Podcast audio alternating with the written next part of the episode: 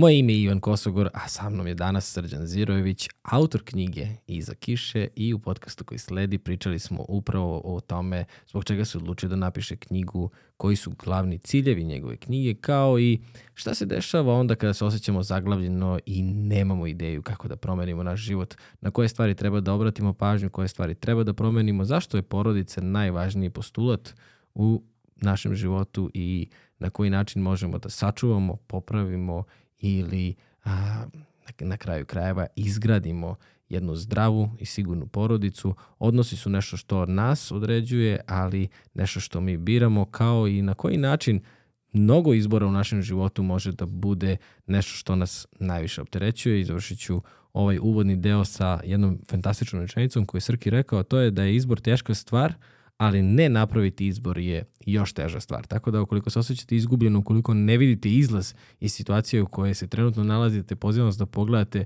ovaj podcast, znam da traje 3 sata, ali sam siguran da ćete ga pogledati minimum nekoliko puta, tako da pripremite papir i olovku jer ćete čuti mnogo toga zanimljivog i pre svega korisnog. Pre nego što krenemo, želim da se zahvalim našim sponzorima.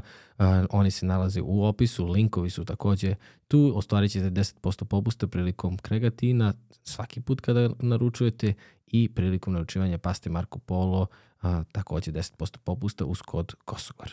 Želim da se zahvalim i nameštaju Interior koji premija ceo naš studio. Hvala vam puno svaki put kada, kada radimo. Ja zaista uživam i nadam se da ćete uživati u podcastu koji sledi.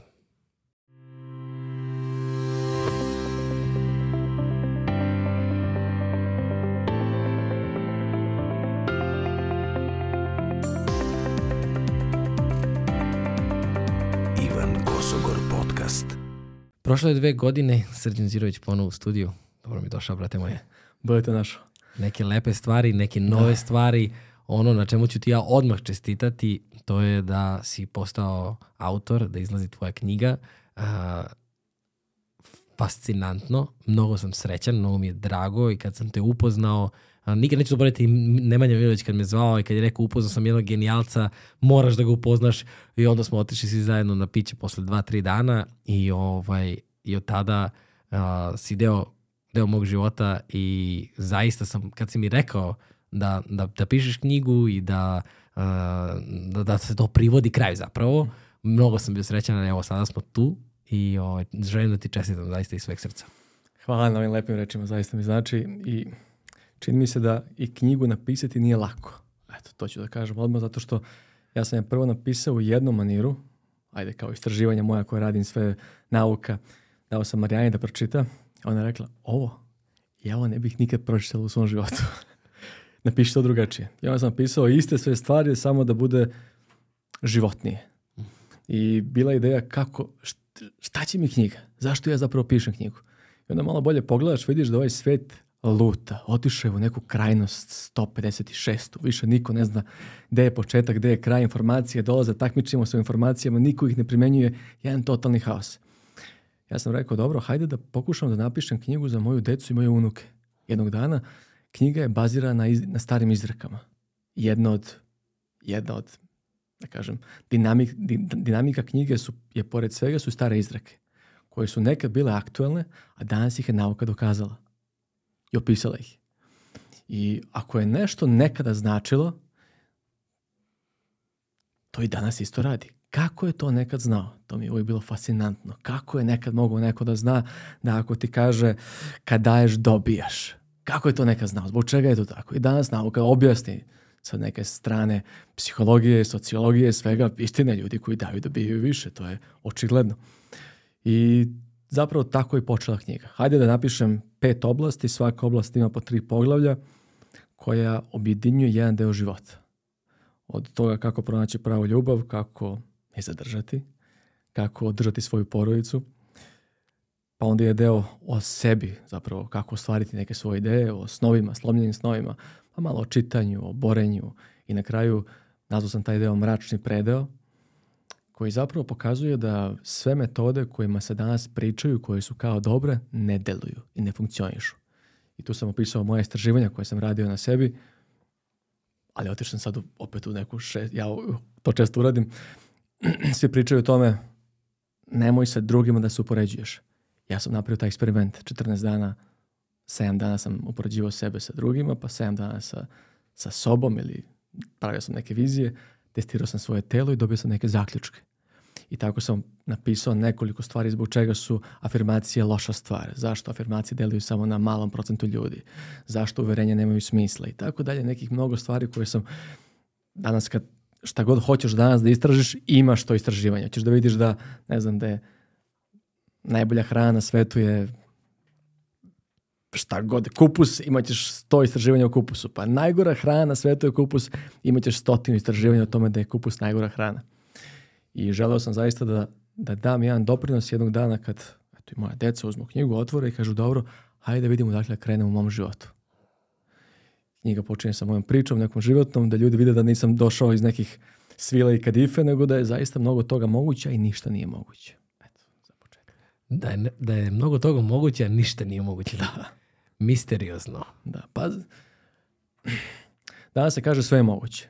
Jeste ako si rođen na pravom mestu, u pravom trenutku. Ako si rođen u trećoj zemlji sveta, imaš problem. Ozbiljan problem. Kako ćeš da se izboriš sa okolnostima koje dolaze? Neko možda i uspe, međutim većina ne uspe. Drugi problem je što ljudi imaju nerealne snove. Svi hoće da im... Pričali smo o tome već i, mislim, u prethodnim podcastima. Ljudi naprave snove. Koje snove? kako im je to definisala okolina. Želim da, imam, želim da budem uspešan, bogat, da radim zdrav, da živim u nekom gradu i tako dalje, da radim taj, taj posao. Malo bolje kada pogleda čovek, to zapravo neko, neko vremena ne budu njegovi snovi. A on je potrošio mnogo vremena svog života pokušavajući da, da to ostvari. Mnogi ljudi žele da budu pevači, ne znaju da pevaju. To je problem. Želiš da budeš glumac, Ne znaš da glumiš, to je problem. Moraš da znaš koji je tvoj potencijal. Nešto što nije moglo bi biti. To je jako bitno. Za šta si ti stvoren? Koji je tvoj genetski kod? Sa čim si rođen? Koji je tvoj talent? Koliko si u stanju da ga neguješ taj talent? I za mnoge ljude je mnogo toga moguće, ali za mnoge je mnogo toga nemoguće. Ja sam u knjizi opisao priču Vanje. Vanje je moj prijatelj, poznanik tako ću reći, odrasli smo u malom gradu, pošto sam se ja jako puno selio kad sam bio dečak iz grada u grad, iz mesta u mesto, porodica je tražila neku svoju mirnu luku i onda smo se stalno selili i hteo ne hteo upoznaš mnogo ljudi. Vanja je tada imao 34 godine i to je bio mali gradić i leta su u tom gradiću bila vrela, imali smo jedan stari koš gde smo ubacivali svi tu loptu kroz obruč kao bez koske kad uđe, to je bilo fenomenalno. Ja se ne sećam mnogo toga o Vanji. Osim što znam da je nosio rokarsku jaknu i da mi je rekao u jednom trenutku šta ti misliš, da ja nisam imao velike snove? Kad sam bio dečak kao ti. Kao da mi je čitao misli. Ja sam samo mislio ne želim da budem kao Vanja u životu. To, je bila, to bi bilo samo da ne želim da budem kao on. 34 godine nije se oženio, ne, nije pratio te neka pravila i norme. Vanja je bio gitarista, svirao gitaru. Svirao je gitaru fenomenalno. Sjajno. Nikad nije uradio ništa od toga. Kad si ga slušao u njegovoj sobi, bio je virtuoz, neverovatan, svira, spektakularno. Međutim, nikada nije pokušao.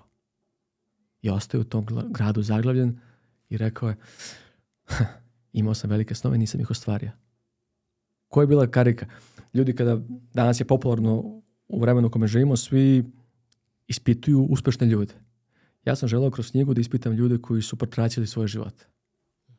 Šta znači to? Neko je protraćio život, neko je možda materijalno se obezbedio. Međutim, nešto drugo mu je zasmetalo. Zbog nečega drugoga on je, on smatra sebe da je neuspešan.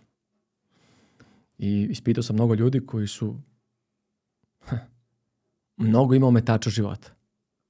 Čiča, Čiča Danilo, o njemu sam, eto, govorim stalno, to je sad sveža priča, opisao sam je On je živeo na ulici, bez, bez porodice, bez kuće i čekao je svoje posljednje dane. I rekao je da je tvrdoglavost ga je dovela dotle. Običan tvrdoglavost, da izgubio sve što ima. I takvih ljudi ima, je bilo mnogo. Nije uvek protraćen život taj ako nisi uspeo da napraviš pet kuća, pet stanova, pa kao, nisam postao najbolji glumac na svetu, protraćio sam život. Protraćen život se krije u svemu onome gde ti na kraju dana kad sedneš nemaš mir u svojoj glavi. Ako nemaš pravog partnera pod sebe, to je, pored sebe, to je protraćen život, drastično. Možda imaš što god poželiš ako je pored tebe osoba koja, je, koja nije za tebe. Šta te privuklo da odeš tim putem kojim se ređe ime, ide, ima ona knjiga, ali zašto si se odlučio da, da pričaš sa ljudima koji su protraćili život? Šta ti je tu Zbog priče, zbog bajki. Bajka svaka završava i živeli su srećno do kraja života.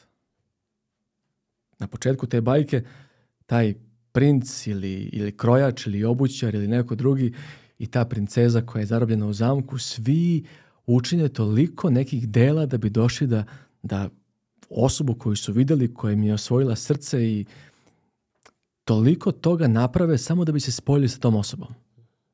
Naprave čudesa. Prevaziđu mnoge prepreke i sve živo. I odjednom živjeli su srećno do kraja života. Kako kad je tek početak? tek sad ste se venčali. Tek sada treba da prođete zajedno neko vreme. I kineska poslovica kaže ljubav je slepa, ali ti brak otvori oči. Zašto je kraj bio tamo da je početak? To me najviše zapravo i fasciniralo. Neko juri ceo život, juri najbolju osobu za sebe i pitanje je kako pronaći pravu ljubav. Da postoji neka pravila šta je prava ljubav.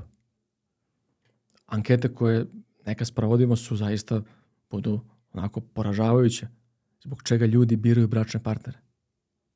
Samo, samo 50% ljudi bira partnera iz ljubavi. Za mene je to bilo, anketa je bila 18.000 ljudi i od tih 18.000 ljudi samo 50% je izabralo partnera iz ljubavi. Veliki procenat njih je izabrao partnera zato što, što je on siguran, bezbedan, da ih neće povrediti.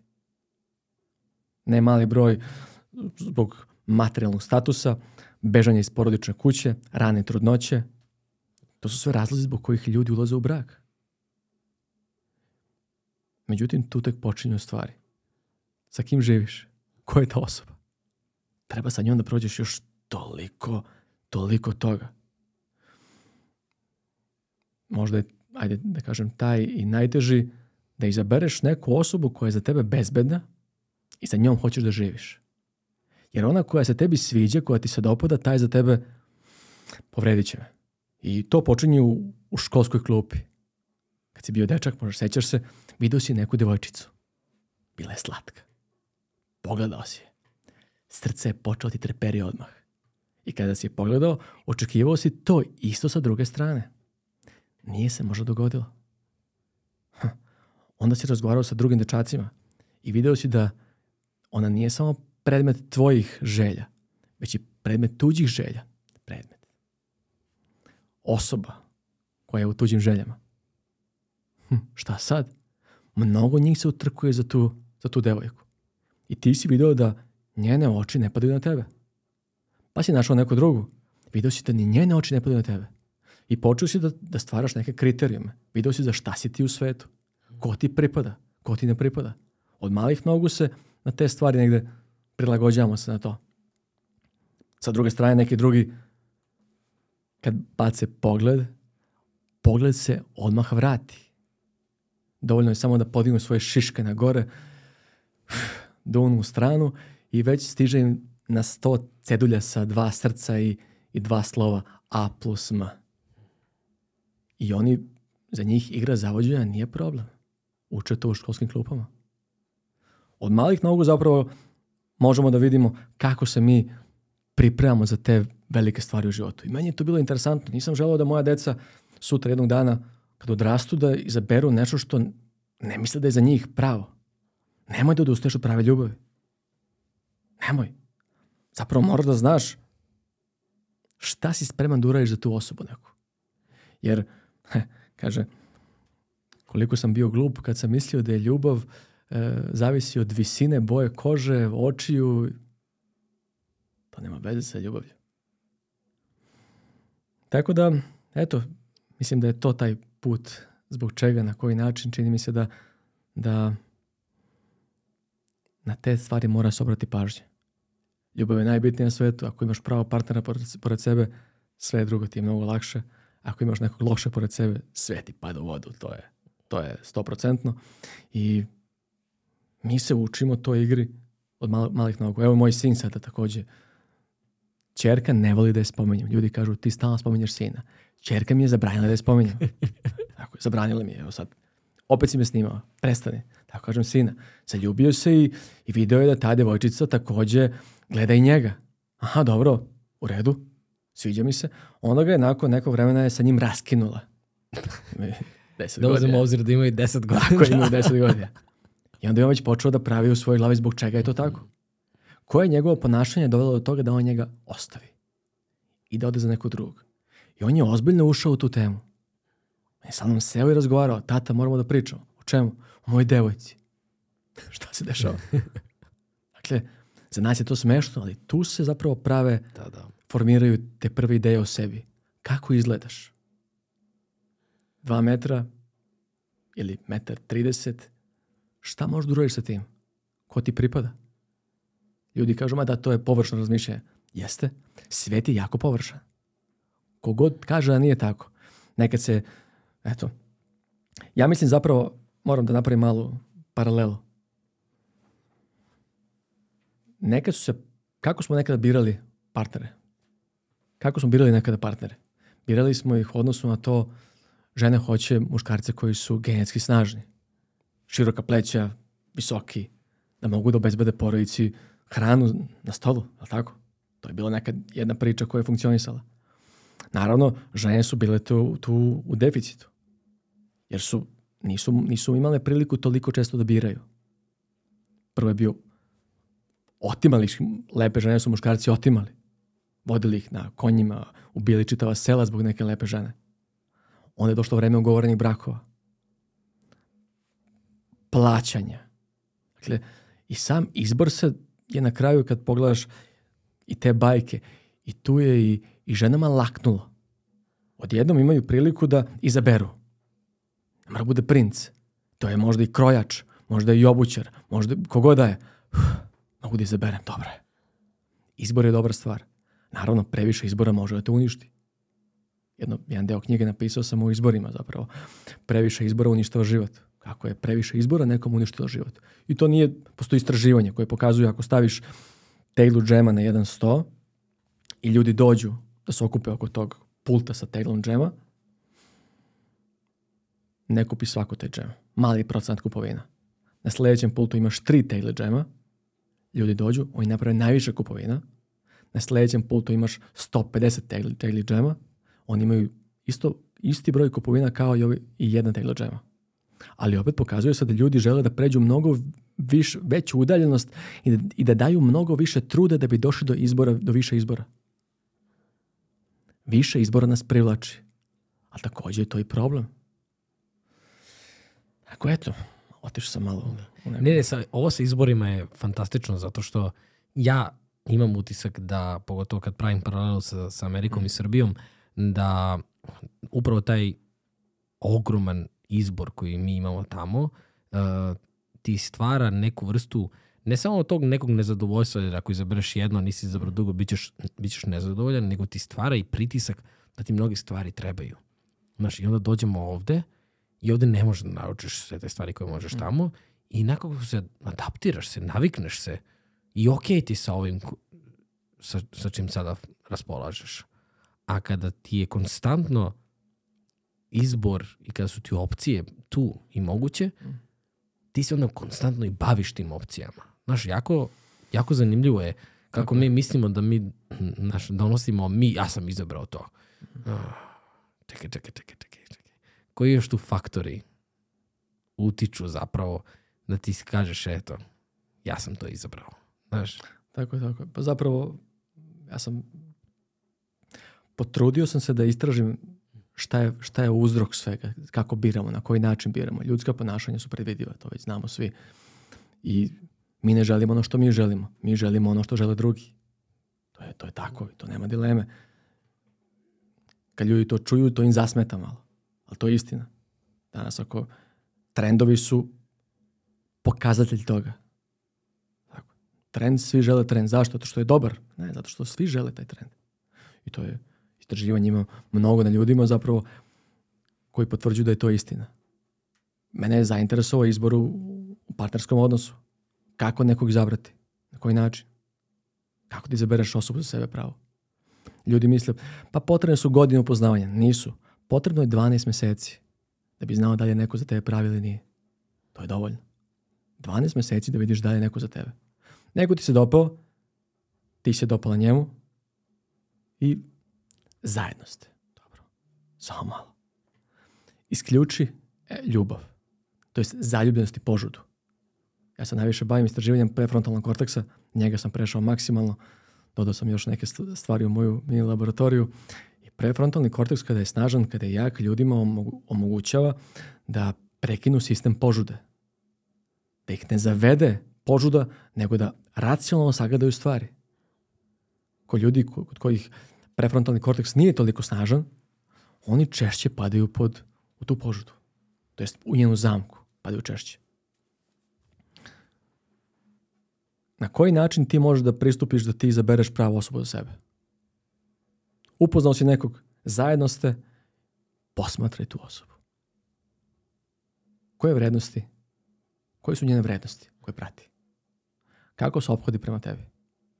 Kako se obhodi prema drugima? Kako se obhodi kada joj ne ide se po planu?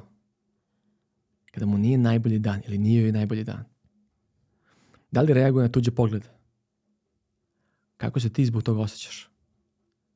kakva je ta osoba prema tebi. I mi često zanemarimo male signale. Ljudi to sami kažu. Zaljubila sam se, videla sam, video sam to odmah na početku, ali eto, luda glava zaljubljenost. Jasno je. Kad se zaljubiš, aktivira se sijaset moždanih struktura. Međutim, kod ljubavi je medijalni prefrontalni korteks najaktivniji. To jest, on preuzima svoj primat. Zašto? Ljubav je strpljiva. Strpljiva, nežna. Treba vreme za ljubav. Da prefrontalni korteks, taj analitički deo mozga, naš, što kaže ovi CEO, e, predsednik, direktor, on odlučuje o svemu. Da bi on rekao zašto je neko za tebe dobar. Ko očuvava tvoj integritet? Neko to možda za tebe jeste, ali kad si pored te osobe ne treperiš. I to je isto problem. Kako izabrati? Ljudi kažu na početku, jao, videla sam i ušao sam 100% u to. Nemoj, začekaj. To je isto kao odeš u, u, u restoran i na početku noći popiješ mnogo vina. Znaš da te vodi takva noć. Hoćeš da zaboraviš što pre. Ako popiješ malo vina, kako noć odmiče, to bude jedna od najlepših noćina u tvom životu. Dovoljno te opusti da da uživaš u svemu, a opet ne previše da ne budeš oprezan. Dakle, polako, korak po korak, pažljivo osmatraj, a voli i sve snage. To je možda bitno. Ja više, Ema, kroz koje si sve filtere prošla. Pa sad... Izvuci svesku sa... Tu nam je Mara u studiju. Čisto da znate čime se sve bavi muška... Čime bi se trebalo da se bavi? Evo, Marijana je tu, ja ću da. da kažem kako je to bilo. Oblaži, kaže. Dobro. ja sam Marijanu video na, na Facebooku. O, on, da, kaže, online ja, upoznavanje. ali nije bilo online upoznavanje. Video sam je na Facebooku od moje sestre. Video sam njenu fotografiju sa bebom. Sestra moja kaže, ona ima bebu. Ja kažem, pa da, kako ima? Dobro, ima bebu, nema veze. Ali posle par dana kaže, nema bebu. Ona nego je to nečija druga beba fotografisala se. Imala jednu fotografiju, dve fotografije. Ja Sad sam... kad si ovo rekao, ja sam pomislio, nisam znao Mara da imaš kao iz prvog braka, znaš kao nisam povezivao to uopšte. ja sam zapamtio ime prezime, ušao na Facebook i poslao poruku. Ćao Marijana, ja sam brat od Nataša, išla je s tom u ško, srednju školu i tako je počelo dopisivanje. Ona me je to brzo sklonila, ali bio sam uporan. To je, to je bez dileme. I nakon nekog vremena Ajde reću već celu priču koju sam počeo. Marijana mi je otišla je na more posle našeg viđanja i ma nek bude cela priča, čitava priča. Neka bude tako. Neka bude tako. Ovako. Zvalo sam da izađemo jedno 20 puta. Ne mogu danas, ne mogu sutra, ne mogu preko sutra. Na kraju pristane. Međutim, pristala je najgori dan mog života. Imao sam u džepu 250 dinara. Pozajmio sam od drugara automobil, a on mi je rekao, nemam para za gorivo. Imaš goriva 45 km. Dobro, bit će dovoljno, mislim se da ćemo to po kraju malo. Ja odem po Marijanu, gde ćemo na piće, kaže ona, hajmo idemo na Keops, u Zemun. A mi na Bežanjskoj osjeti, to. Ja ću u glavi zamišljam nizbrdo, uzbrdo, kako ću ja da, da kalkulišem čitav moj prefrontalni korteks već pravi kalkulaciju, dok li ću stići dolazimo na Keops, šta ćete piti? Ja, da, neću ništa, sad sam, sad sam upravo pio sam mnogo toga. Marijana hoće kafu i sok. Ko pije kafu i sok? Ja gledam onako iz, iz prikralika račun i to sve. I na kraju uspeo sam ja to sve da anuliram i počnemo se zabavljamo. Posle mjeseci i po dana počnemo da živimo zajedno. Posle tri meseca se venčamo. O, vi ste baš brzo. brzo. Da, tako su i moji roditelji. Za čas. Da. Međutim, odmah smo znali znala su, sklopili smo se. Marijana je porodična, ja sam porodičan. Oboje imamo iste vrednosti. E, ja sam bio, živio sam sam u stanu, ona dođe u stan, sve mi sredi po stanu, ja udem, šta se dešava, šta se događa, čiji je ovo stan, gde su mi farmerke. Da li su nas opljačkali? ne znamo, otvorim frižder, sve sređeno. Šta je ovo? Da, da. Ona nekad se šali pa kaže, ti si mene zbog toga ženio, to je to. Tako da, mislim da sam i tada Bio sam malo uplašen, moram da kažem, u samom startu. Previše brzo sve išlo, ali sam želeo da vidim o čemu se radi. Ljubav je bila, to nije bi do, dolazilo u pitanje uopšte. Ali su te sitne stvari zapravo dovele do toga da, da smo mi ostali zajedno, 13 godina smo zajedno, dvoje dece imamo, živimo lepo, Marijana je oslonac, stub, temelj iz kuće, ja sam neko ko, ko se tu provlači ide, ali, ali zapravo napravio sam dobar izbor. To je najbolja stvar za, u mom životu. Nadam se da ona tako za sebe misli isto. Mara nam se smeška sve vreme, se, tako da. da je to to, da. I to je pravi izbor. Međutim, zamisli da pogrešiš i neko te prevari. Neko te ostavi. Neko te izneveri. Neko te ne gleda očima kojim ti gledaš njega. I ti ljudi koji su izabrali svoje partnere i životne saputnike po tome da su oni za njih bezbedni i neće ih povrediti, to je strah. Nemoj da se bojiš straha. Ako se bojiš straha, ne možeš da živiš život. Ako ti se neko dopada, idi 100%. Uđi u to i vidi koje su tvoje šanse. Ako su ti šanse male, ako su velike, vidi o čemu se radi. Saznaj, pitaj, budi direktan. Ta direktnost je najbitnija stvar na svetu. Opet ću da spomenem moju decu, sina, opet, Helena, jednog dana kad budeš ovo gledala, da znaš o čemu se radi. Bili smo u restoranu i čekali smo da nam, da nam donesu kolač. Kolač je bio pitan, tako Marijana? Jeste, kolač. 5 minuta nema, 10 minuta nema. I sad već svi smo se malo nervozili. I sin kaže, tata, moraš da pitaš. To si me ti učio. Ako, ako Moraš da pitaš ako hoćeš nešto da dobiješ. On je ustao sa stolice, otišao, tražen je kolač i došla je žena sa kolačima. Taj mali život je već znao ono što ja nisam tad znao. Znao sam, nisam primenjivao. Zato su informacije jako loše. Mi znamo sve šta je dobro, ali primeni, budi direktan. Direktnost. Evo ga, najbitnija veština na svetu. Direktan, precizan, dobro artikulisan. Moraš da čitaš zbog toga čita jako puno, da bi mogao da složiš foldere u svojoj glavi, da imaš mnogo, mnogo u svakom folderu, da bude prepun, da možeš iz, iz njega da vučeš stvari, moraš da čitaš puno. Moraš da znaš, moraš da imaš pune fioke, police, ormane u tvojoj glavi, stvari koje možeš da izvučeš. Pojmova, reči, kako nešto da tražiš. Dobar dan, dajte i moj kolač. Hoću kolač moj. Prosto. Međutim, nije dovoljno ni čitati Ja sam se u knjizi pokušao sam da napravim spoj borilačkog sporta, čitanja i pisanja.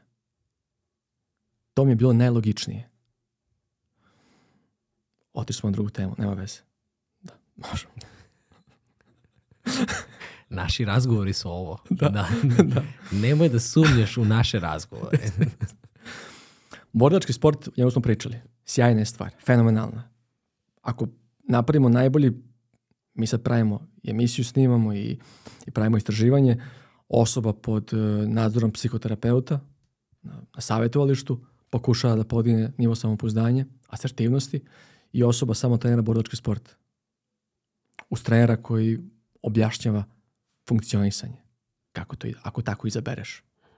Ako tako izabereš, pripada Marku Leichneru, mom treneru e, borenja, koji mi je zapravo i usadio filozofiju borenja u glavu. Borenje je sve ako tako izabereš.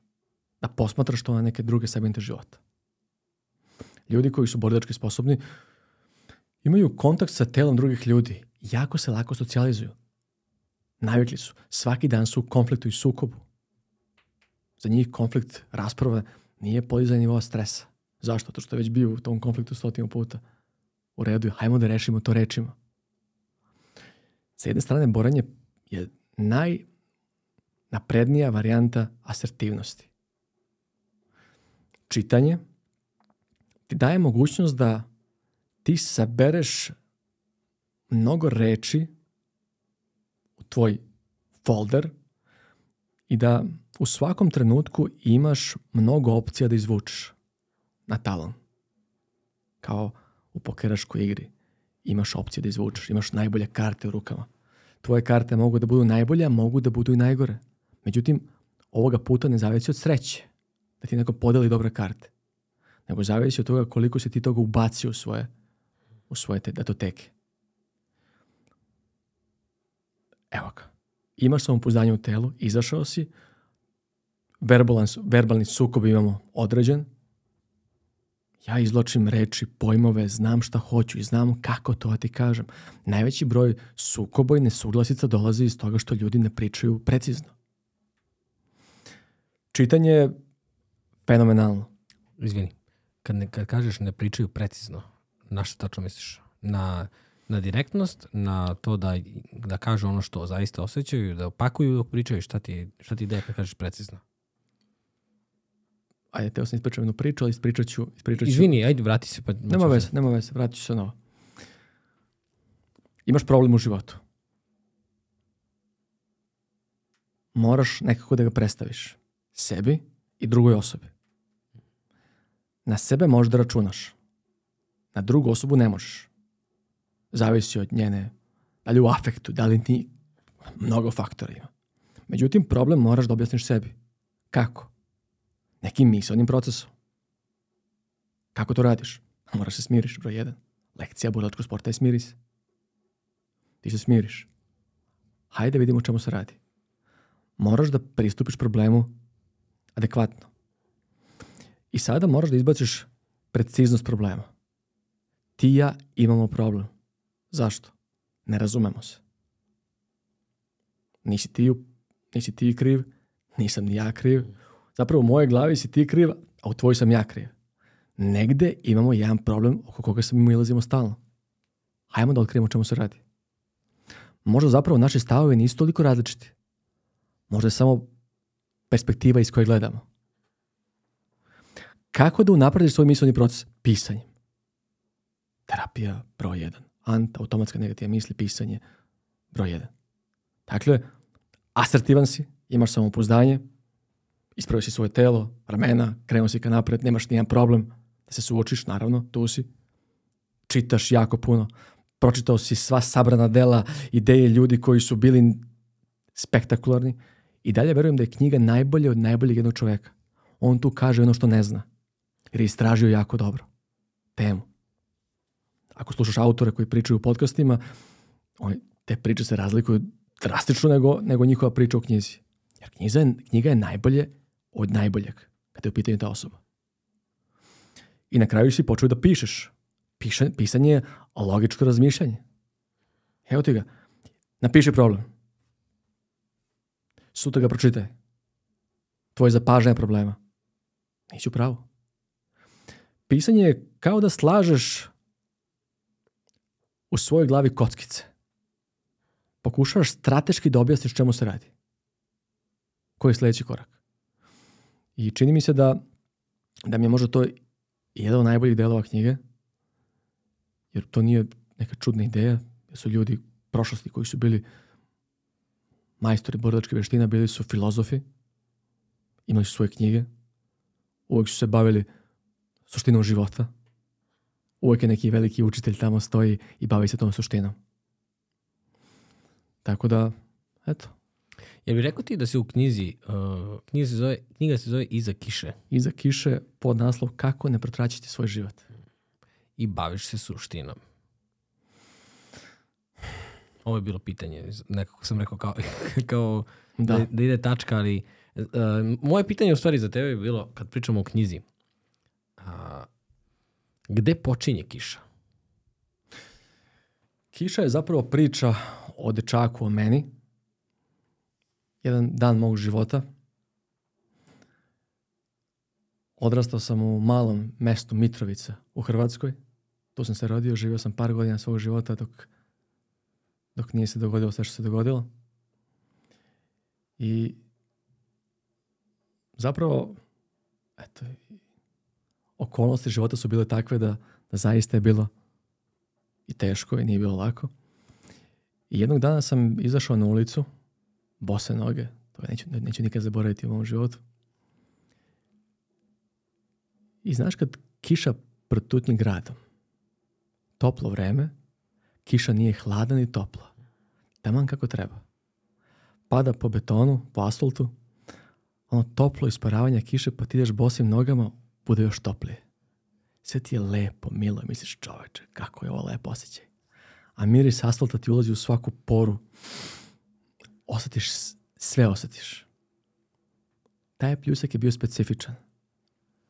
Prošao je brzo tim malim mestom i zaustavio se od mene 10 metara. Zavesa kišna. Jedan deo ulice je pljusak bio, a drugi deo samo što je malo pre prošlo nekoliko kapi. U mojoj glavi to je bilo trenutak kad sam pomislio, evo ga, događa se. Obožavao sam stripove, Zagora, Mr. Noa, Batmana, čitao sam to sve. Pomislio sam, evo ga, dogodio se trenutak neki novi svet. Ja sam utrčao u tu kišu, čuo sam majku koja me doziva iz dvorišta, uđi, pokisno ćeš brzo, vrati se. Ja sam tamo ušao, zatvorio oči i zamislio negde svoj život. Scena neverovatna. Otvorio sam oči, opet sam bio tu, bio sam ja kiša je prošla. imao sam osjećaj da mi, da mi je potrebno još 5 sekundi da budem iza kiše. Da bi sve bilo drugačije. I uvijek se pitao, uvijek sam se pitao šta je iza kiše. Šta se nalazi tamo? Kiša je neka prepreka u našim životima koja se nalazi. Evo, počeli smo od partnera, počeli smo od, od porodice, od, od, ako misliš da je nemoguće, razmisli još jednom jedno, jedno od pogleda tako se zove. Šta se tamo nalazi? I šta ćeš ti da uradiš? Mi kažemo sve do nas, sve do nas. Kiša prođe. Ti možeš da se otimaš koliko god hoćeš. Da širiš ruke, da radiš, da udaraš u bubnjeve, šta god da ti je u pitanju. Kiša prolazi, to su okolnosti tvog života. Šta ćeš da radiš kad ne ide sve po planu? Hoću, ja sam teo da budem iza kiše još 5 sekundi, nisam uspeo. Otišla je. Šta? Seo sam na pod i počeo da ojača, očajavam. Na toj hipotezi je čitava knjiga. I prvi deo drugog pogleda se zove, možda će neko kaže, to je, to je zapravo prvo poglavlje drugog dela je šta bi uradio superjunak tvog filma ili glavni heroj što sam čuo davnih godina, tu priču, zainteresovala me i nekada neke rečenice mogu čoveku da promene život. Meni je promenila ta rečenica život, zato sam mi napisao. Lako je s suprivnacima. Oni dođu, osvoje sve pobede, razbiju i evo ih tu su. Šta da radimo mi koji, koji nismo suprivnaci? Međutim, ti možda mogu da budeš junak. Kako da izvedeš to? Lako je njima, oni imaju super moći, ti ih nemaš. Šta bi radio taj junak? Ja sam vozio automobil jednog dana ulicom, vidio sam da ne živim život koji sam želeo da živim. I onda sam pitao sebe, eto možda zvuči banalno, šta bi radio super junak? Pa za početak bi skrenuo sa puta. Skrenuo sam u drugu ulicu. Izgubio sam se među ulicama Sjetio se da nisam dugo pozvao Marijanu da je kažem koliko je volim. I koliko volim njene bore oko nosa kad se nasmeje. Pozvao sam je, nasmijala se i, i počeli smo odmah tu našu igru zavođenja. Malo je bila potrebno. Obična rečenica, šta bi radio superjunak, mi je došao da se izgubim, da pomislim na svoj život, da pozovem moju ženu i da počnem da uživam sa njom, jer zaboravimo to, podrazumevam mnoge stvari u životu koje se dogode. Međutim, džaba ti govoriš po ceo dan. Šta bi uradio inak u tvom životu? Otišao bi u Ameriku, sad bi rekao bi tamo šefu, bacio bi Gordona da ti radiš, jedno ti da tako, bacio bi ga na pod, svašta bi mu rekao. To nije baš tako. Tebi je nešto potrebno. Da napraviš tranziciju od običnog čoveka do junaka tvog života. I taj drugi deo počinje zapravo sa tim junakom, završava, a nastavlja se na na snove, na, na razbijene snove i sve ostalo. Nama, ljudima, mi smo umrženi za, za probleme. Da posmatramo probleme i da ih rešavamo. Ljudi, potraga za srećom, ne ja ne verujem realno u potragu za srećom. To mi je malo abstraktan pojam. Zato što verujem u, u radost svakodnevno, da uživam da im bude lepo, A sada tražim neku sreću, a dok tražim sreću bit ću nesrećan, bit ću ljut i ne, ne ide mi to u, uz ono što, o čemu razmišljam. Isto kao i priča o, idem korak unazad, o borenju, kada ljudi kažu uverenje ti je da je život borba. Ne slažem se. Ti tako misliš. Nemam ništa protiv. Ja odlučujem da živim ovako. Međutim, moram da ti kažem da nauka potvrđuje ono što ja verujem. Zašto? Sve je borba. Na ovom svetu, sve. Kad pogledaš u tvoje dvorište, vidjet ćeš onu travu koja raste, pa se bori s ovom drugom travom da dobije, dobije više sunca. Dva mrava se bore za hranu, dve ptice. Ja kad sam pisao knjigu tu, pa video sam dva goluba na, na, na asfaltu, jedan je uzeo hranu, drugom koji je zakasnio. Izborio se za svoj deo hrane. Sve neka borba. Ti si na borbu pripremljen. Spreman si da se izboriš. I kažeš, dobro, sledećih mesec dana bit će mnogo teško u mom životu. Biće jako teško. Spreman sam i to ću da prevaziđem. Nauka kaže da je to pravi postupak. Zove se adaptivna strategija na stres. Ljudi koji su spremni na poteškoće i kada poteškoće dođu, oni prevaziđu sa manje aktivacije hormona stresa. Što nije slučajno, samuraji su zamišljali svoju smrt kad dođe moment borbe da im ruka ne zdrhti. Već se kognitivno pripremao na ono što može da se dogodi i bio je spreman kad se to dogodi. Nije trepno. Zašto? Jednostavno. Mentalno je sebe pripremio na, na, na poteškoću. Poteškoća možda nikad neće doći, Ali ako dođe, to je dobro. Imaš farmu. Sve si sredio. Pao je grad. Sve ti je potamanije. Gotovo. Očajavanje. Šta da radim sad? Koji je sledeći korak? Međutim, ti si, ti si bio svestan pre te dok si imao farmu, da bi to moglo da ti nešto sve sredi, jer nisi imao dovoljno opcija. Pripremio si sebe na nepogodu. Ona je došla, ti kaže, dobro, znao sam da može se da dogoditi. Mora se pripremiti sledeći put bolje. Neki uslovi mi trebaju. Napravio si neki plan zbog toga. Zato je dobro imati plan. Ako se kognitivno pripravimo za poteškoće, a one možda nikad ne dođu, one ako se i pojave, ha, život nije pesmica Branka Kockice iz detinjstva. Život je jedna, jedan surovi ciklus raznih događaja. Preko noći se sve promeni. Dakle, ako si ti spreman na poteškoće, one kad dođu, hormoni stresa u tvom telu nisu toliko izraženi kao kod ljudi koji nisu spremni, koji kažu ja, ja hoću da živim lepo, da bude sjajno. Kad poteškoće dođe, oni padnu više. I treba im više vremena da se izdignu nego ovi koji, koji su za to pripremljeni. Isto je kod i afirmacija, ista je priča. Osobe govore, ja to mogu, ja sam osoba koja se dopada svima. Kod ljudi koji ne vide sebe na takav način, takva tvrdnja čini da se oni osjećaju još gore. Dakle, ako osobe imaju nisko samopoštovanje, ta tvrdnja čini da se osjećaju gore. Ako je naša afirmacija daleko od onoga u šta mi verujemo sami u sebi, ono što možemo da vidimo realno, racionalno, osoba se osjeća još gore. Ko ljudi kojima je tvrdnja blizu, oni se osjete malo bolje. Ima istraživanje na biciklistima koje je pokazalo da kada vodiš bicikl, osobe koje govore ja to mogu, ja to ne mogu, jako je teško ali uspeću, ona poslednja, poslednja grupa ljudi koji kaže ja to mogu, to jest mnogo je teško, ali uspeću, oni najduže voze. On zna da te, teško je, nije lako, sve je teško. Mnogo je teško, komplikovano. Moraš da ustaneš ujutru, moraš da radiš, moraš da napraviš to. Ko zna šta može se dogodi? Kakva situacija? Spreman si?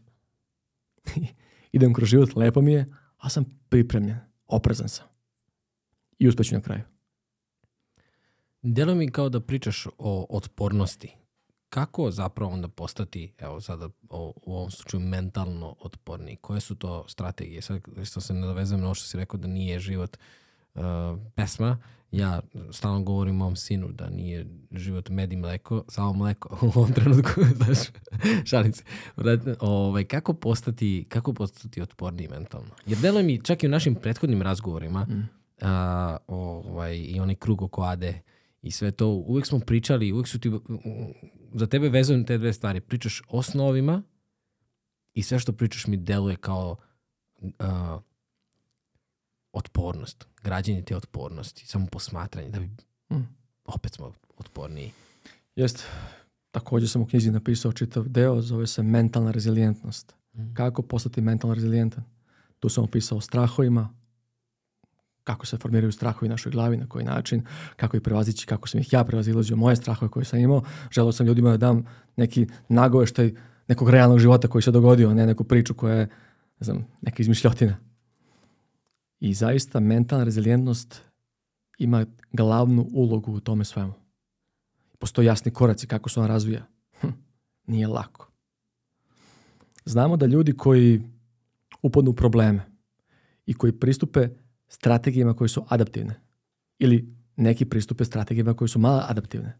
To znači da jedni koji su problema, oni će da traže razgovor, bit će pozitivni, fizička aktivnost, Okrenut ću se nekim zdravim navikama, zdravim rutinama. Tražit ću rešenje. I drugi koji se okrenu kad nečem drugom. Povlačenju u sebe, izolaciji od sveta, lošem društvu, porocima. Dakle, postoje dva načina kako ličnost može da, da priđe problemu. Jasno je da ovi prvi se izvuku i da prebrode krizu mnogo lakše nego ovi drugi koji upadnu u haos. Od čega zavisi? Pa naravno zavisi i od i od sklopa lič, od karaktera zavisi od mnogo, mnogo faktora. Od toga kako je osoba postavljena, koji je njen, kakav je njen genetski kod, kako je formirano u detinjstvu. To je isto velika uloga. Jasno je da ako pokušamo da nađemo rešenja iz problema i da pristupimo svemu tako što pokušavamo da zapravo da sagledamo realne okolnosti čitava hipoteza knjige, čitava jedna od stvari koje prate knjigu jeste saznaj šta ne želiš u životu. Ne šta želiš, to je jako teško saznati šta želiš. Ko može da zna šta želi tačno? Opisao sam zapravo i, i kako saznati šta želiš, što sam eksperiment koji sam radio sam sa sobom, bilo je interesantno, ali saznaj prvo šta ne želiš. To je ključno. I to je čitava ideja. I u toj mentalnoj rezilijentnosti i otpornosti ti moraš da znaš šta ne želiš u svog života. Ne želim da budem slab. Pogledaš u, mi se snimimo ovaj podcast i neko će napiše šta, šta lupaju ova dvojica. Pročitaš to, to ti može zasmeta. Neko je došao, nije ni pogledao o čemu smo pričali, kakva ideja, nije želeo da se, da se uopšte upusti u perspektivu dva čoveka koji razmenjuju svoje misli. To je velika stvar. Ovo je intimni čin koji ti ja sad radimo. Razgovaramo, delimo neka iskustva a neko ima sad špijunsko oko i kameru i može da pristuje tom činu. Nekad su se za razgovor prelazile, prelazile kilometri za grupa ljudi. Sad možemo da špioniramo. Ja slušam podcaste, gledam šta ljudi pričaju. Ja sam, ja sam špijun automatski. Slušam njihov intiman čin, razgovor. Kako oni neke informacije u njihovim glavama slažu. Ja tu vidim mnogo stvari koje, koje ja ne razumem pa kažem ovo nije tačno. Ili možda razumem pa kažem oni to ne razumeju. To je sjajna stvar. Kako taj komentar pročitamo? Da li ti srce zalupa u trenutku? Da li ti zaboli stomak? Da li ti bude teško? Ha, jeste, dobro je. Nisi otporan dovoljno. Postani otporan. Da ne bi sad otkrivao sve na svaki način, možda potraje, možda je to najduže 90 strana je to, to poglavlje, onako baš je dugo, priča je opširna, zato što to nisu dva saveta. Lično volim savet i volim da čujem savet. Nemoj da budeš osoba koja ne može da primi savet od drugih. To smo mi svi kad smo mladi. Tebi roditelj nešto kaže, ti da kaže, pa nije tvoje vreme. kad sam napisao to, pozvao sam moju majku i rekao sam mi, dobro, reci mi, molim te, kakav bi mi sad savet dala ti da si u mojim godinama mog života? Koji, je, koji bi bio tvoj savet za mene? On kaže, ja mogu da te pozovem, sutra ti dam odgovor. Sutra me je pozvala, rekla mi je, prvo sam se isplakala, jer nisi me to pitao 20 godina, nisi tražio mene savjet. Sad si ga, sad si ga zatražio. Rekla mi je, naravno, njenu ideju, kako to treba da izgleda. Ali opet ja nisam pristupio adekvatno prema osobi s kojom, koja me odgajala, koja mi je dala život. Jer sam gledao samo kako ja da, da krenem ka napred ka nekom delu. Mentalno rezilijentni i otporni ljudi posmatraju stvari pozitivno. Posmatraju druge uglove učesnika. Znaju njihove mogu da se poistovete sa načinom na koji druga osoba razmišlja. Posmatraju sebe. Nivoji refleksije, to jest samo posmatranje refleksija ima svoje nivoje. Nivo 1, nivo 2, nivo 3, nivo 4, nivo 5. To nije samo posmatranje nego to su nivoji kognitivni koji se slažu.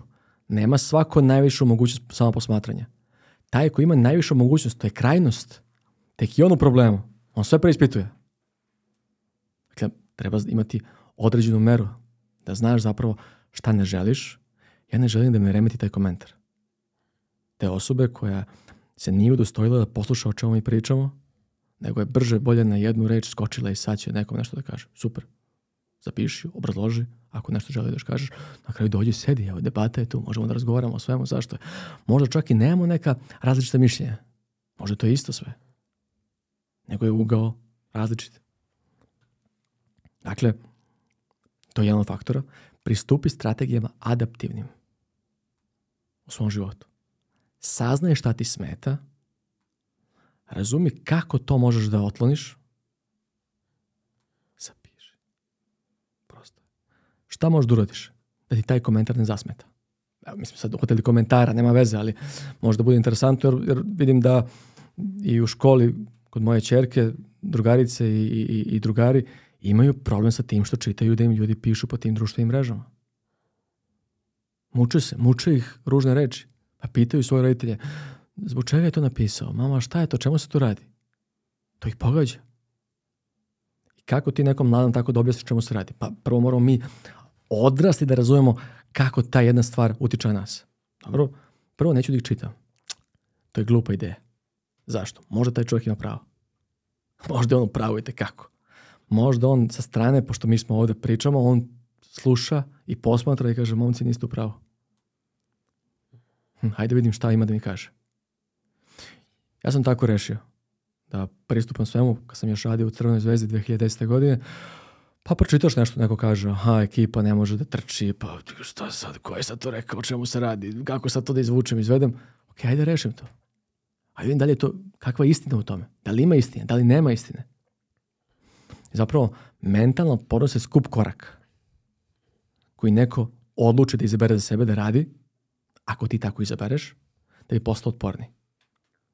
Da li postaješ otporniji, da li se to onda povezuje sa tvojim karakterom, da li postaje deo tvog karaktera ili misliš da mora stalno da se vežba? Hm. Kažu da je terapija izlaganja jedna od najboljih terapija koja postoji za mnoge stvari. Izložiš se, postaješ jači. Pričali smo i o tome. Međutim, terapija izlaganja ima probleme svoje. Ljudi koji su na terapiji izlaganja se često vraćaju sa istim problemima. Znači, on izložio se, Ja sam konkretno imao sam za šest mjeseci 101 let avionu. I nakon nekog vremena sam počeo da se plašim let, letenja avionom. Šta sad radim čovječ? Ulazim avion, nije mi dobro, srce počne mi lupa, nije mi prijatno. Hoću taj let da izbjegnem. Moj prijatelj, dobar psijatar, sjajan, sjajan tip, on kaže, ajmo da, da se igramo da probaš da rešiš to. Terapija izlaganja, kako, kako da rešimo to? Ne mogu da uđem avion da, iz, da se izložim malo pa se vratim nazad. Nije realno, nije moguće. Ja sam problem rešio tako što dok sam radio na jednom futbolskom klubu, bilo su dva igrača koji se plašila, plašila leta avionom. Ja sam trener njihov i ne smem da pokažem strah u tom trenutku. Ja sam, moram da im dam mogućnost da kažem, momci, bit će sve okej. Okay. Mi smo letali jako često u tom trenutku. I ja sam se našao sebe u jednom trenutku da mi polećemo i meni je, kad sam pogledao sat, puls bio 57 obično bio 92-93.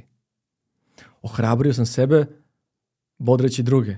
Toliko sam im dao ideja i zaključaka i razloga zbog čega avion ne može da se sruši. Iako sam pre toga znao da je poletanje kritična tačka, sletanje druga kritična tačka, znao sam turbulencija, znao sam kritična tačka i 15 sekundi pole, sve sam bio istražio. Međutim, toliko sam ih ubeđivao koliko ima letova u toku dana, koliko ima u toku sata, koliko ima u toku godine, koliko ima nesreće, kakve su sam ubedio i sebe i njih da strčana frekvencija bude niska. Jedna terapija za strahova um, radila doktorka iz Holandije, odeš kod nje, bojiš se visine ili koji god strah da imaš, popneš na tu visinu i ona ti da, da popiješ beta blokator koji ti spusti otkuce srca. I ti stojiš gore na toj visini, otkuce srca su niski, nemaš odgovor stresa i tvoj mozak kaže dobro, ovo za meni je opasno. Ja nemam, nemam taj simpatički odgovor. To je jedna od terapija. Japanci su izmislili i, i lek, zove se KNT 127, koji utiče direktno na amigdale. Da, eliminiše sve strahove. Ja sam znao i za doktorsku, doktorku iz Holandije i poslao mi je bio e-mail i onda sam stani. Neću da radim to.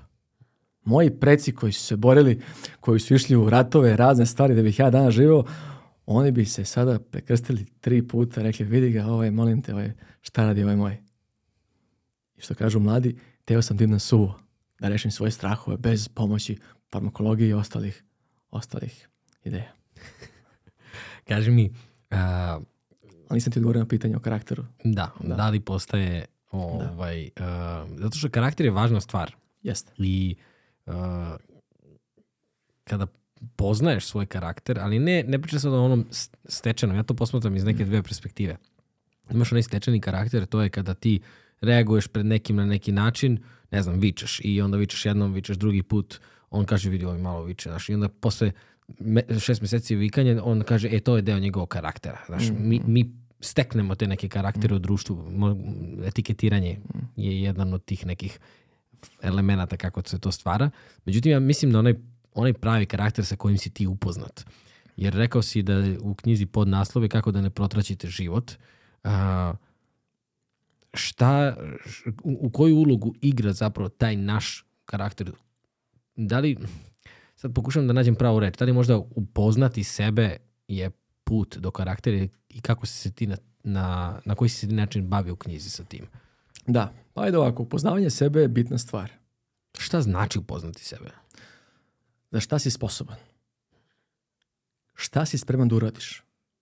Šta ti želiš? Šta ne želiš? Šta si spreman da uradiš za to što ne želiš? A šta si spreman da uradiš za to što, što želiš? Koji su tvoji koraci? Koji su tvoji limiti? Kako ćeš da se izboriš sa tim kad ti tvoj limit ispred tebe stane? ko želiš da bude oko tebe, koji ljudi? Kako želiš sa njima da se ophodiš ti? Da li to možeš da uradiš? Koji posao želiš da radiš? Kako se danas ophodiš prema sebi? Prema svojoj porodici? Prema ljudima? Da li imaš neke nedosanjene snove? Kako oni utiču na tebe? Kako na tebe utiče to što ti nisi dosanjao svoje snove, a drugi ih, do, a drugi ih upravo ispunjavaju? Kako te to posmatranje, kako, to, kako deluje na tebe to? Si ljubomoran, zavidan, mnogo pričaš o njima. Ili ti je drago zbog njih? Upoznavanje sebe je delikatan proces. Mora da znaš za da šta si spreman. Kako se suočavam sa problemima? Šta da radim ako me žena ostavi? Koji mi je prvi korak? Nemoj o tome da razmišljaš. Stvorit ćeš sebi neku Ja moram da znam za što sam spreman. Raskid sa bračnim partnerom je težak. Tako cubo efekat. Srce poprema oblik japanskog ćupa. Toliko je snažan taj, taj efekat. Boli nas. To je bol, fizička bol, snažna bol. Iz toga ne možeš tek tako lako se oporaviš. Šta da radiš onda? Ko si ti zapravo? Neki ljudi preko toga ovako prođu. Za čas. I kad sa njima razgovaraš, oni ti kažu, pa dobro, šta, bit će neka druga. Aha. Kako je on došao do te do tog saznanja, nekim razumevanjem. Odakle mu to razumevanje? Pa upoznao je neke određene perspektive. I video je da je to jedan proces prirodan koji ga ne remeti tek tako lako. I to je upoznavanje sebe. Kad to sve znaš, imaš sve ispred sebe, dolazi drugi korak. A to je posmatranje, što kažu, direktno. Kako sad sedim? Da li tako sedi osoba koja koja želi one stvari i koja ne želi one stvari.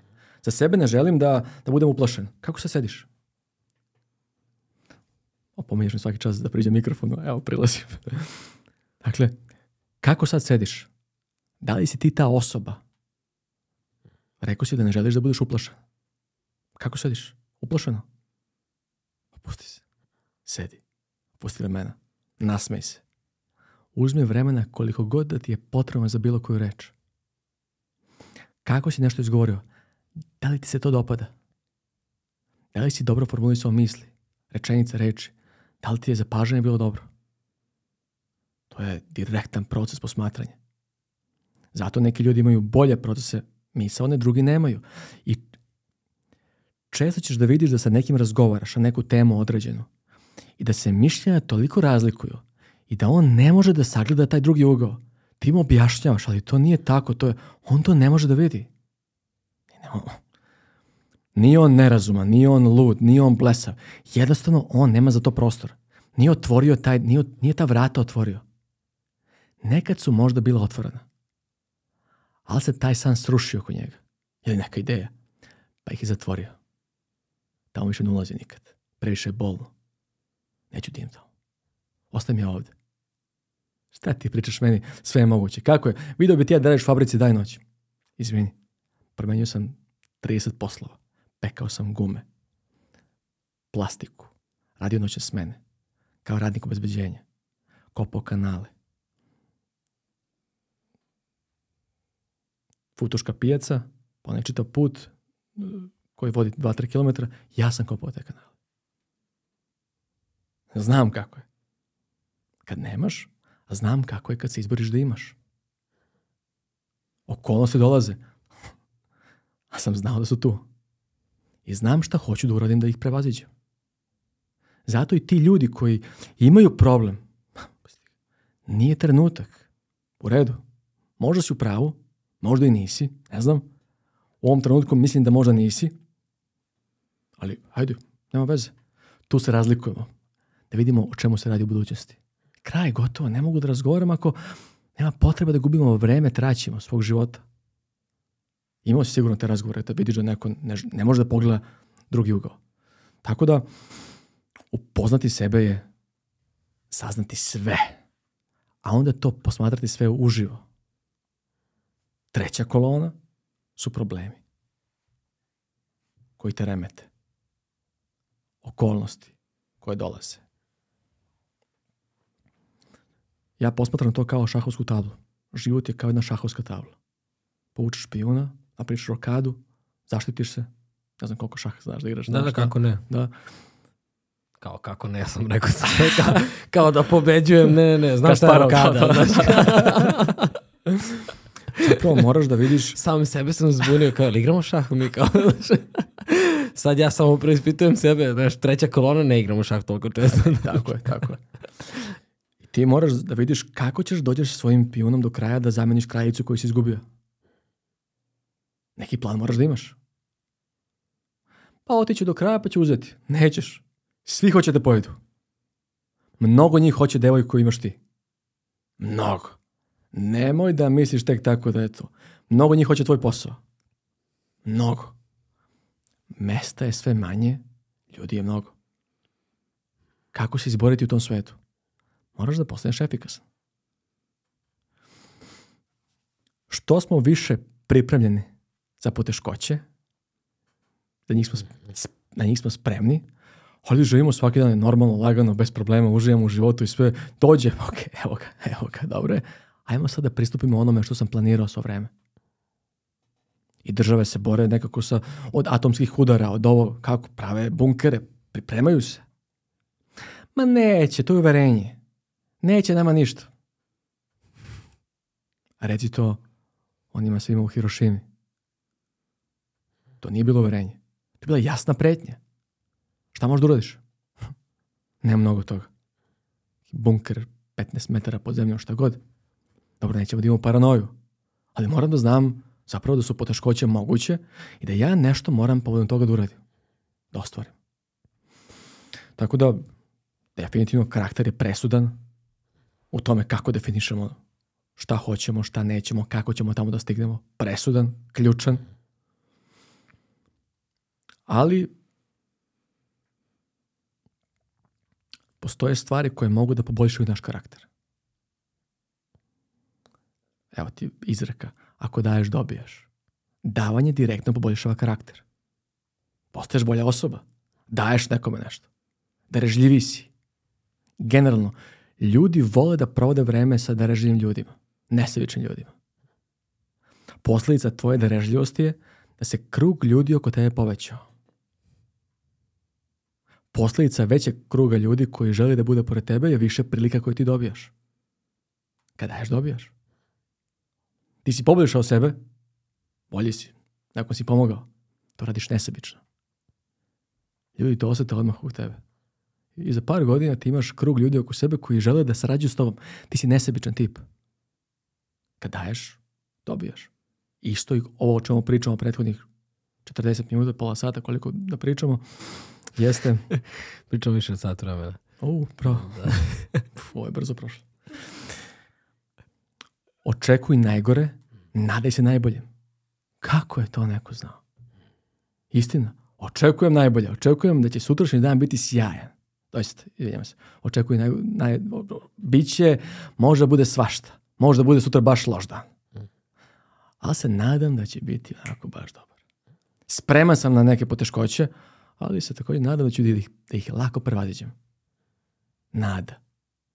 Kraljica izgubljenih, ostavljenih, nasamarenih. To je nada.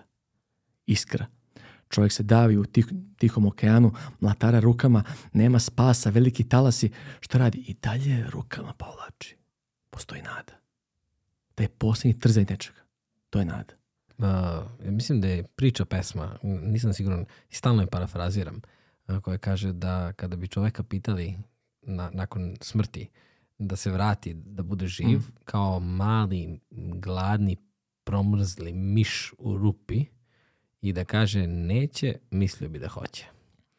Zato što bi želeo da bude živ. Koliko nam je stvari važno i koliko je ta nada, ono kažu post nada poslednje umire. Sad kad već, kad već pričamo o tome. Međutim, mislim da a, ti mi sad ispravi, ali u, u, u tvom slučaju ne bih rekao da je nada bila presudna i u tim nekim teškim situacijama o kojima smo mi pričali i, i u podcastu ranije, odnosno u podcastima ranije.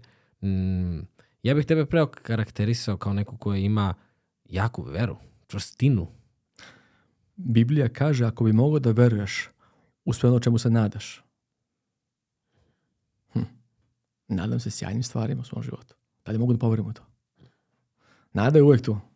Ona postoji. Ja sam je nazvao u, u, u knjizi protiv otrov haosa. Nada. Evo ovaj je tu. Je. Loše sve. Pojavi se ta mala misa u glavi, kaže dobro. Uspeću ja ovo protiv tebe je sve, ali ona je tu i dalje tinja. Neki ljudi su toliko uplašeni u svoju nadu da je sakriju. Su toliko puta rekli, bit će, dogodit će se ovo, bit će ovako i nije, bilo, nije se dogodilo, ostali su razočarani, povređeni. I sledeći put ne ulaze tamo u, u svoju nadu, čuvaju je. Pitaš ih kako živiš, kako moram. Što jednom je, jednom je govorio, bit će super, nije bilo i život ga je nagazio kako moram, ali sa strane ostavio, možda bude dobro. Ali da ćutim, ne kažem nikome. U mom ličnom, ne znam, mislim da sam toliko puta u životu nilazio neke nedaće i neprilike i nevolje. Toliko sam toga prošao. Bio sam izneveren, razočaran, napušten, usamljen, ljudi me nisu mazili mnogo puta, dao sam poverenje, oni su ga izneverili milion puta. Okolnosti su bile protiv mene. Život nije bio lak, to je definitivno. Ali sam se nadao uvek da će biti sjajno. Kaj je najgore, ja sutra ustajem ranije i odradim svoju rutinu, jutarnju. Moram da znam ko sam. Teško mi jako ustajem ujutru rano, odradim svoje rutine, završim, idem kroz dan. Je li ti ok da podariš rutinu ili... Pričali smo o tome da menjam rutine stalno. To sam da kažem. S da. obzirom da ih menjaš, reko šta je, šta je trenutno da, da. aktualno. Da. Sad imam tablu jednu na, na zidu na kojoj napišem, na kojoj mi stoji raspored za taj mesec. I Marijana je kreator table. Dan za hrabrost. Šta još Marijana ima tamo? Zabava Tako je. I dan za hrabrost recimo ima, ima krug. I onda ja odlučim koji će dan da bude za hrabrost. Napišem, nisam nikad uradio to, hoću da radim to. I napišem 16. mart, radim taj dan. Ja sam spreman 16. mart da uradim svoj dan za hrabrost. Može da bude šta god hoćeš, ja idem kroz taj dan. A šta radiš sad? Šta god da mi je dan za, šta god da, da, mi, da mi smeta, šta god da sam loše uradio, Nekome, nekome nervira, dugo, čutimo, trpimo, e dobro. 16. marta ću da kažem toj osobi sve. Otkucava sat ujutru, šta god da su, okol, kakve god da su okolnosti. Ćao. Nešto moram ti kažem. I volim da čim ustanem ujutru da vidim zapravo šta me očekuje taj dan. Nedeljni plan, mesečni plan, dnevni plan, to su dobre stvari. Ako, ako dan dobro isplaniraš, koje god poteškoće da imaš, ti već znaš gde te taj dan vodi, znaš znaš u kom smeru se krećeš. Ustaneš ujutru besciljno. Šta danas idem na posao kao svaki drugi dan, sačekaj, samo malo. Uradi danas nešto drugačije. Pa kako idem na posao? Skreni u pogrešnu ulicu. Na putu do posla. Pa, zakasnit ću, hodaj sporije. Ako kasniš. To mi je rekao jedan pokojni, pokojni deda Vuja. Jednom se vozili u vozom i on, ja sam sedao, sedao sam kako voz ide u jednom smeru, ja sam sedao okrenut leđima u pravcu kome idemo, on je rekao, nemoj nikada da sediš okrenut leđima u pravcu kome ideš. Okreni se kao čovjek dočekaš da to što čeka. Takođe, ako ne kasniš, idi polako. Hodaj sporije. Tek sam razumio to pre možda mjesec dana što mi je tada govorio. Hodaj sporije. Ja sad svaki dan kad imam neku, šta god da se dogodi neki problem, ja samo usporim. Može da viče ko šta da se... Samo usporim. Kasnim, usporim produžen korak i uspore. I mi to su stvari koje neke vodilje u životu jednog čovjeka. Nešto morate voditi, neke tvoje vrednosti. Čime se vodiš ti kada je problem u pitanju? Pa kada je problem, ja se suočim. To nije uvijek najpametnija ideja da se suočiš. Nije uvijek najbolje. Ne znam. Kako se suočiš? Šta ako je to nasilnik sa bezbol palicom koji hoće da te, da, te, da te udari? Šta da radiš onda? Pa dobro, kad je poteškoć ne znam, napravi plan. Kako se ti suočavaš sa problemima svojim, u svom životu? Najće nasilnik. Hajde da krenem da treniram neki borilački sport. Ako se slučajno dogodi taj nasilnik nekad u mom životu. Da povećam svoje šanse. Ideš svojim danom, lepo, zadovoljan, sve super. Nikad taj nasilnik nije naišao, ali ti si spreman za nasilnik. Ako dođe. Dobro, koji još problem? Izgubit ću posao. Šta da radim? Prodaj sve što imaš, počni s početka. Nemam šta da prodam. Dobro. Bićeš na ulici jedno vreme. Kakve veze ima? Ja sam proveo neko vreme isto. Spavajući na stanici železničkoj. Nije strašno. Život ti nosi razne ideje. Ali kako si ti kroz njih spreman da dođeš? I ja snimam za Instagram često stvari i ne znam da li ljudi to primetali. Ja se obraćam ljudima koji su izgubljeni koji ne znaju šta da urade, koji su negde ostali u mestu, ja se često setim sebe. Sedim na krevetu, iza nema ništa, levo ništa, desno ništa, napred, neki korak je tu koji ne znam, mogu samo da zakoračim pa da vidim šta je mogao da bude. Mnogo toga je moguće, ali mnogo toga i nije moguće. Saznaj ko si.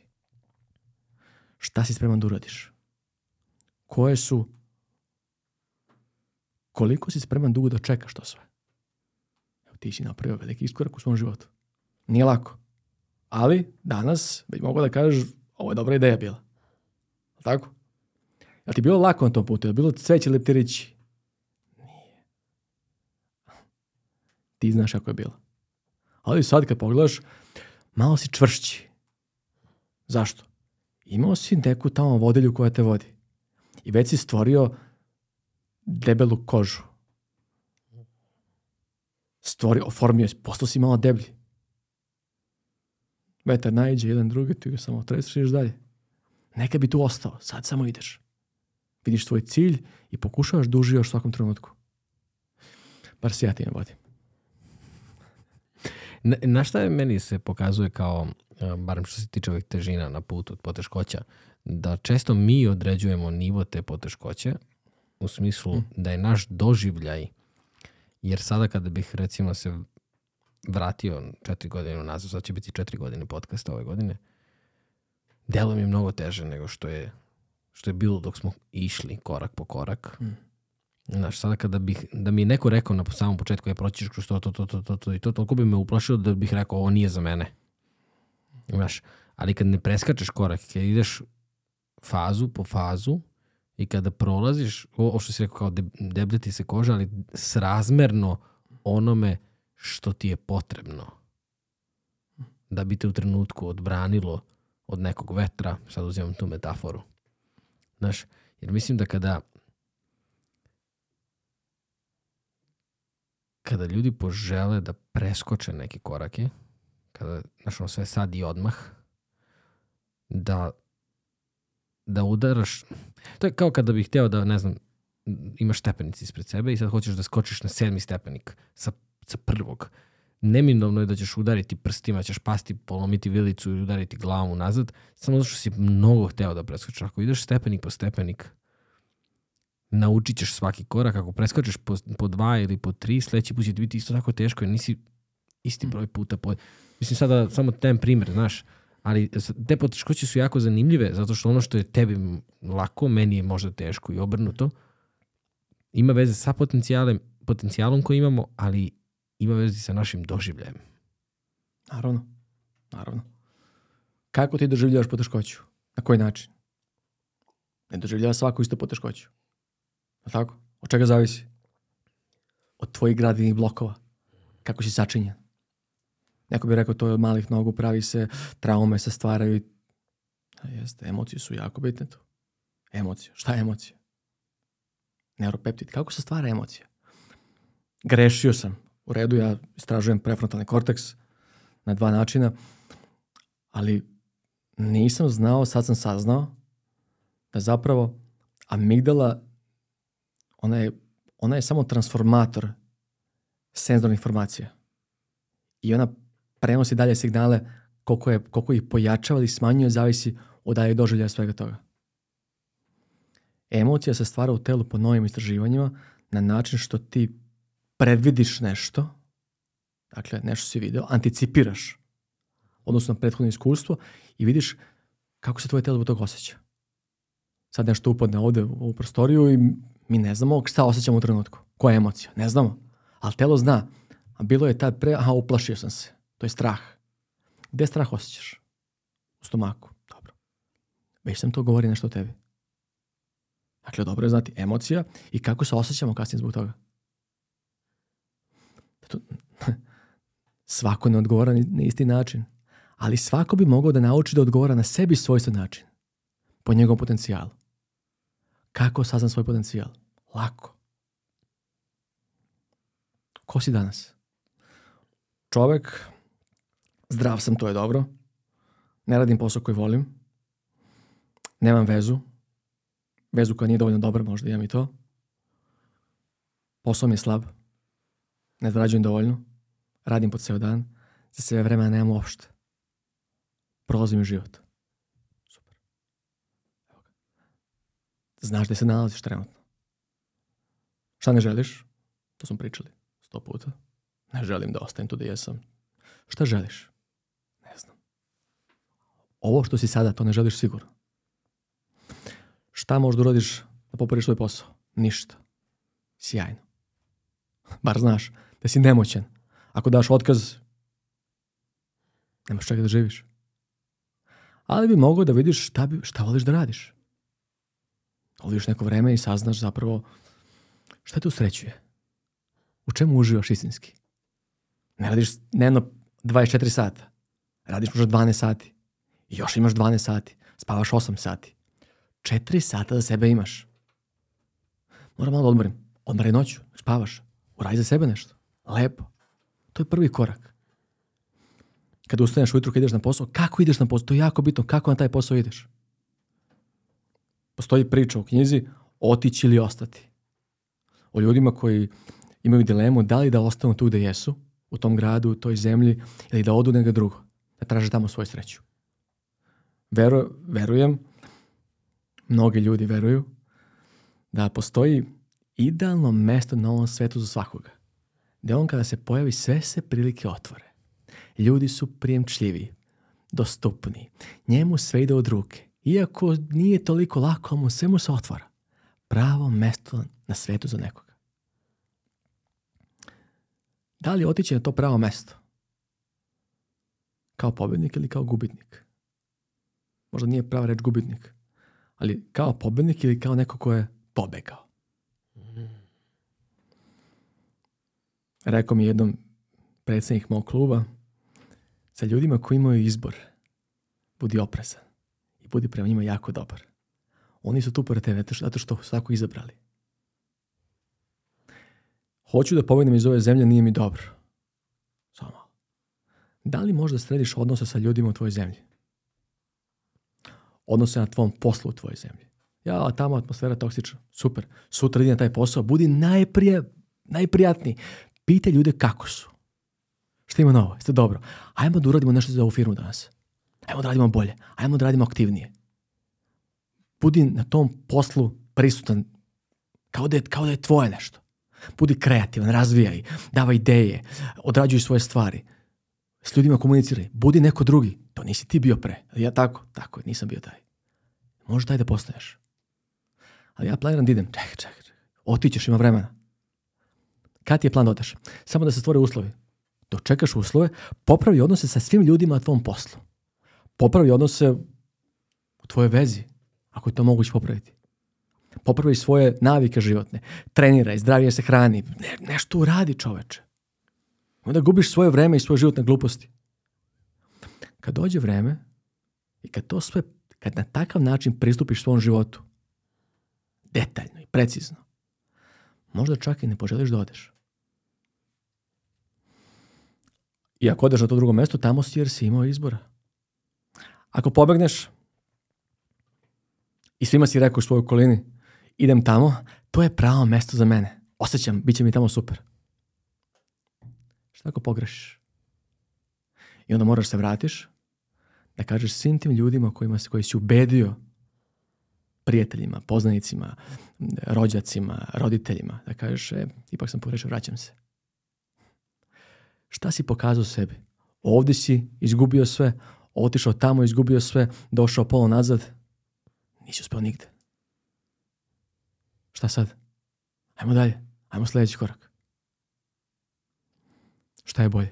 Otići ili ostati? Na kraju. Da Dalje bolje srediti svoje životne okolnosti i otići na drugo mesto. Bolje, sa boljim, sa boljim veštinama na kraju krajeva. Ili je bolje otići odmah i početi iz početka? Ne postoji pravi odgovor. Može dobro i pobeći u samom startu i, i pronaći se je pravo mesto. Hm. Ima nešto specijalno kod ljudi koji pobegnu. Oni se tako lako ne vraćaju. Oni tamo odu i I onda sami sebi kažu nakon nekog vremena da sam ovo sve radio tamo kući. Sve bi drugačije bilo. Mnogi to kažu. Da sam se ovoliko trudio kući, da sam to radio sve. Ne, drugačije bi stvari bilo. Šta zapravo karakteriše pravo mesto za nas? Ja sam pitao moju čerku. Helena. Nemoj pričati o Heleni. Šalim Dok sam pisao pogled, onda sam teo da, da pitam ljude u mojoj Zvao sam često moje prijatelje, poznanike, Marijana, Marijanu sam stalno ubacio neke nevolje. Tako sam pitao Helenu, Helena, šta je za tebe dom? Pa dom je, evo naša kuća ovo ovde, tu, dobro? Da tata, mama i brat ne žive u ovoj kući, da li bi to bio tvoj dom? Ne bi. Dobro. Znači, dom je tamo gde je srce. Super. Da bar to znamo. Dom je tu gde je srce. Dakle, dobro je biti okružen s ljudima koje, koje voliš biti okružen sa njima oko sebe, da su tu, da su blizu. Kada je dom tamo gdje je srce, postoji još jedna stvar, postoji dobar pogled. Postoji jedno mesto na svetu. Da kad izađeš iz voza, autobusa, aviona, kažeš to je to. To je to. Ovdje sam trebao da budem uvijek. Onda tamo neko vreme provedeš i vidiš da dobar pogled ne znači ništa bez, bez srca. Pa se vratiš po srce srećan si, došli si kod svog srca, ali ti opet nedostaje taj pogled. Tamo se lakše diše. Kakvi smo mi ljudi, čudni, komplikovani. Sad hoću da dovedem taj moj dom, tamo da se lakše diše. Ima još jedna stvar koja je bitna. Kakvi su ljudi oko tvog doma? Da li si im potreban? Da li kad te vide, kažu komšija, trebaš mi da nešto sred uradimo, završimo, sredimo, te niko ne vidi. Da li ti ljudi u tvojoj okolini žele da, da sarađuju s tobom, da prave neke ideje, stvari, šta god, da li su oni, da li si ti neophodan? Priča o palestinki koja je živjela 130 godina, navodno, prenosim ono što sam pročitao, pitali su je koja je tajna dugog života. Kako da umrem? Kako? Ko će napraviti ručak? Ko će uradio? ovo? Svi kažu baba daj ovo, baba daj. Potreba. Potrebna. Potrebna. Ljudi odu u penziju, prestanu da budu potrebni. Kaže, otišao sam u penziju i ja sam se tako brzo razbolao. A oni neki drugi odu u penziju i tamo napravi novi posao. Krenu drugačije iz početka. Šta je zapravo dom? Dom je tamo gde je srce. Ali i tamo gde se, dobro, gde se lako diše. Neki ljudi imaju sreću pa se rođeni na mestu koji je njihov dom i gde se lako diše i gde su potrebni. Sad napravi sve to u jednu celinu i tu si zadovoljan, tu si srećan. Da li si ti pokvaren? Pokvaren. Nešto u tebi je pokvareno. Popravi to. Ali ti pričaš o nečemu što je kao... Mm, nije prvi izbor, uh, jer sve vreme pričaš o popravljanju, a šta je u praksi? U praksi je meni je potrebno da se ti ljudi na poslu promene, meni je potrebno da se promene uh, uslovi. Mi bismo stalno menja, me, da menjamo nešto izvan nas, a popravljanje znači da uložiš svoje vreme, volju, energiju, želju da se nešto drugačije desi. Ali ti si pokretač tog drugačije. Ti si pokretač te promene. Ti možeš popravku da zanemariš. Da je skloniš. I onda ćeš da poletiš svojim Piperom kao Mr. No u Amazon, da poletiš i taman kad treba se vineš u visine, otkaže motor i padneš dole. Kvar ti je došao glave. Nisi ga na vreme popravio priča, možda sam pričao priču već jednom, sam pričao priču o dva jajna oko, jesam? Kod tebe, jesam? Pričao Mislim sam. da jesi. Jesam, pričao sam, neću se ponavljam. Što ispričaj ponovo? To je priča da zapravo isto. Neko prvi put čuje možda. Da, ajde. Priča o podrazumevanju, o bračnim, bračnim partnerima. Pričali smo to da mogu da pogledaju, to je podcast za uzmi se na sebe, čini mi se, nek da pogledaju tamo. Odlična je priča koja upravo govori o tome kad ne želimo da popravimo kvar unutar nas. Nisi ga popravio na vreme. Pa si počeo da, da ga za, za, da taškavaš na stotinu strana i tražio si izlaze. Popravi sebe. To je broj jedan. Popravi sve ono ko Vreme je ludo u kome živimo. Potreb... Kao što je nekada bila zlatna groznica, danas je potreba za, potraga za pažnju. Svi daj više pažnje, daj više pažnje, daj više pažnje, samo pažnje, pažnje. Da, volim da često kažem, ja sam nije pravo reći, voajer, ali tako ću vam da kažem. Zatražio si dozvolu, kao da onda kažem voajer. Posmatram ljude na društvenim mrežama kako se menjaju u odnosu na, na broj lajkova pratilaca koji dobijaju. Mm. To je moja obsesija, tako ću vam da kažem. Volim da gledam. Interesantno je kako oni ne primećuju sami da se menjaju. Menjaju se na gore. Jel da? Zataškavaju svoje kvarove. I počinju da pokazuju sve ono što je bilo u dubini njihovoj. Ona potraga, ona potreba za velikom pažnjom koja dolazi. Neko svih, naravno. A se događa vrlo često. Postoji brojni koji su i tekako na zemlji, koji su skromni, koji znaju da idu, koji znaju da je to da jedan običan put, ali postoji veliki brojni koji da vidiš da je pažnja jedna, jedna postala vrsta bolesti. Šta se, šta se tu događa? Zbog čega je to tako?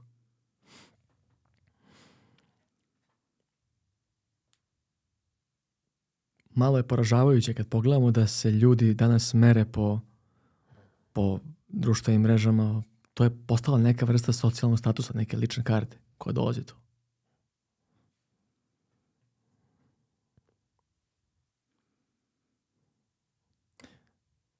Malo mi je ovo sad i, ajde, kompleksno da ispričam, ali nije uspeh na društvenim mrežama život.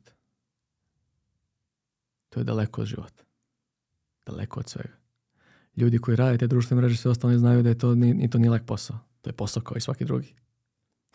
Samo što je posao onako dosta, mora da budeš otporan. Mora da imaš jako debelu kožu. Jer si na nekom, nekim, nekoj osmotre, svi, neka, ne znam, kula osmatranja, svi te posmatraju, svaku tvoju reč neko govori, meri, šta god da kažeš, ljudi će kažu, ha, on nije. Ti danas da kažeš, ova biljka je lepa u beloj saksi, zelena je biljka, neko će da kaže, kakva biljka, to nije biljka, to je mimoza. Ono će neko ti, da, da te ispravi u ne, iz nečega. Ovo je težak posao. Mi to hteli da, da priznamo ili ne. I žao mi je kad mogu da, kad primećujem da deca žele da budu pitaš danas decu, šta hoćeš da imaš? Hoću da imam milion subscribera na YouTube. Istraživanje iz osnovne škole u Americi mm. pokazalo je da deci kad pitaš šta hoće da budu, iz 90. godine da je pilot, astronaut su bili prva zanimanja, vatrogasac, policajac, a danas je to uh, milion subscribera na YouTube. Samo malo. Hoće da, hoće da radi neke druge poslove. Aha, dobro, tu je veštačka inteligencija došla je veštačka inteligencija, softvere uzimaju poslove kreativnim ljudima. Odjednom svi su oduševljeni šta radi za nas chat GPT, šta radi ova tehnologija, kako sređuje brzo slike. Samo malo. Za 10 godina, kad se za 30% smanji broj potrebnih ljudi u određenim oblastima, vidjet ćemo ono što će bude. Ne znam koliko, koliko pratiš taj, tu mhm. inteligenciju. Ja sam razgovarao par puta i, Pitao sam da ljudi ulaze, pa sam teo da vidim kako to izgleda ta komunikacija. To je problem. Ta inteligencija je svesna. Postaje svesna polako. A deca žele da budu influenceri. Žele da, da imaju milion subscribera. Dobro, u redu, ako je inteligencija veštačka loša, a deca žele da budu deo te inteligencije, ne, ne. One žele da budu deo inteligencije. Ona žele pažnju. Ona žele like ili sviđanje, kako god da nazovemo to ona žele da, ih, da im se dive, da im aplaudiraju, da im gore bravo, sjajno, fenomenalno. Za šta? Za malo kvalifikacija. Jako malo. Ti danas pogledaj društvene mreže. Svako priča što je čuo. Letečar priča o medicini. E, fizičar priča o psihologiji. Psiholog priča o, o biohackingu. Šta Sve se izmešalo. Zašto? Zato što neko vidi, aha, prolazi žuta slika sa belim slojima i tema hladnoće. Sutra pričaju svi o tome. Ili šta god je o pitanju. Zašto? Potreba za pažnjom. Kad bi svako radio ono što, što zna, drugačije je bilo. Ili se kaže, društvo u kome dominira samo jedna ideja, brzo ostaje bez ideja. Ja sam iskreno zabrinut zbog svega što se dešava, što, što može se dogodi vidim da to ide u nekom smeru koji nije, koji nije najsjajniji, ali takođe ako ta inteligencija može da bude problem, upoznaje što je bolje moguće. Saznaj sve što možeš o njoj. Uđi u, edukuj se oko toga što više, zašto drži svog prijatelja blizu, a neprijatelja još bliže. Možda to čak nije neprijatelj. Međutim, danas znamo da a smo otišli u temu, sad smo skroz krenuli, ne znam ni kako, ali nema se, to uvek se dešava. Znamo da, da roboti operi, preciznije operišu ljude. Dešavaju se razne stvari u svetu. Ja sam imao priliku da vidim kako, kako izgleda procena veštačke inteligencije profila ličnosti odnosno na pet e, psihoterapeuta i psihijatara. Inteligencija to odradila nepogrešivo. Jesi, jesi čuo za podatak da je, ne, mislim da je pre četiri ili pet godina uh, veštačka inteligencija prošla test e, za ličnost. Znači, da je kompjuter je prevario kompjuter. U smislu, uh, kompjuter je prevario naučnike. Mhm, Imali su, mhm. potpisali su da je prava osoba. A to još nisam to da, znao. Da. da. Sjajna informacija. Znači, kako, se, kako su, o, oni ne vide sa druge mm. strane, samo vide odgovore i mm. ovaj, to je bilo pitanje kao da li smo napravili veštačku svest ili tako nešto. Mm -hmm. Uznemirujuće, ali u isto vreme Znaš, moraš, postoji mnogo, mnogo faktora koji utiču na, na, na to i mi ćemo tek vidjeti kasnije, ali ovo je zanimljivo što si rekao za decu i za pažnju, jer negde je moralo da se pojavi nedostatak pažnje da bi danas neko sa sedam godina poželeo da tu pažnju dobije od stranaca. Ali slava je uvek bila visoko kotirana. Svi su želeli da budu pe... svi. Većina ljudi je želeli da bude kad si bio mali pevao si ispred ogledala sigurno. Ili si igrao, ili si futbaleri, pevači, glumci, svi su, većina ljudi želi da bude u tom, u tom svetlu. Zašto? Deluje blještavo. Deluje fino. Ja radim u profesionalnom sportu i imam priliku da gledam kako se snovi ruše svaki dan. U toliko sportista, evo jedna prilika, pogodila me ovo jako. Pokušat to da ispričam bez emocija bili smo na nekoj utakmici i sam sin igrao na toj utakmici, a otac koji je, oca znam dobro, teško žive, on je gledao svog sina kako igra utakmicu. Snimao ga je telefonom čitav meč. Kad je on primao loptu, on je poskakivao, radio je, skakao. Taj dečak nije imao potencijal da bude, nema potencijal da bude vrhunski. U klubu to znaju svi. Svi znaju. Ja sam prišao jedan dan, teo sam da mu kažem. Ideš u površnom smeru. Ali sam možda mislio, on to možda zna. Pa sam mu pričao, rekao sam mu, koja je tvoja ambicija? On kaže, najviše moguće. Kako mi se najviše moguće? Pa hoću da budem s ovim mojim prijateljem da mi zajedno igramo za reprezentaciju zemlje. Ali taj tvoj prijatelj već igra za reprezentaciju zemlje u tvojim godinama. A ti igraš za neki B tim. I tu si Ne još dugo. Ti si ugovor. Nisam mu to rekao, naravno. Koliko još imaš ugovor, kaže još godinu dana, pa, pa će mi ga možda produžiti.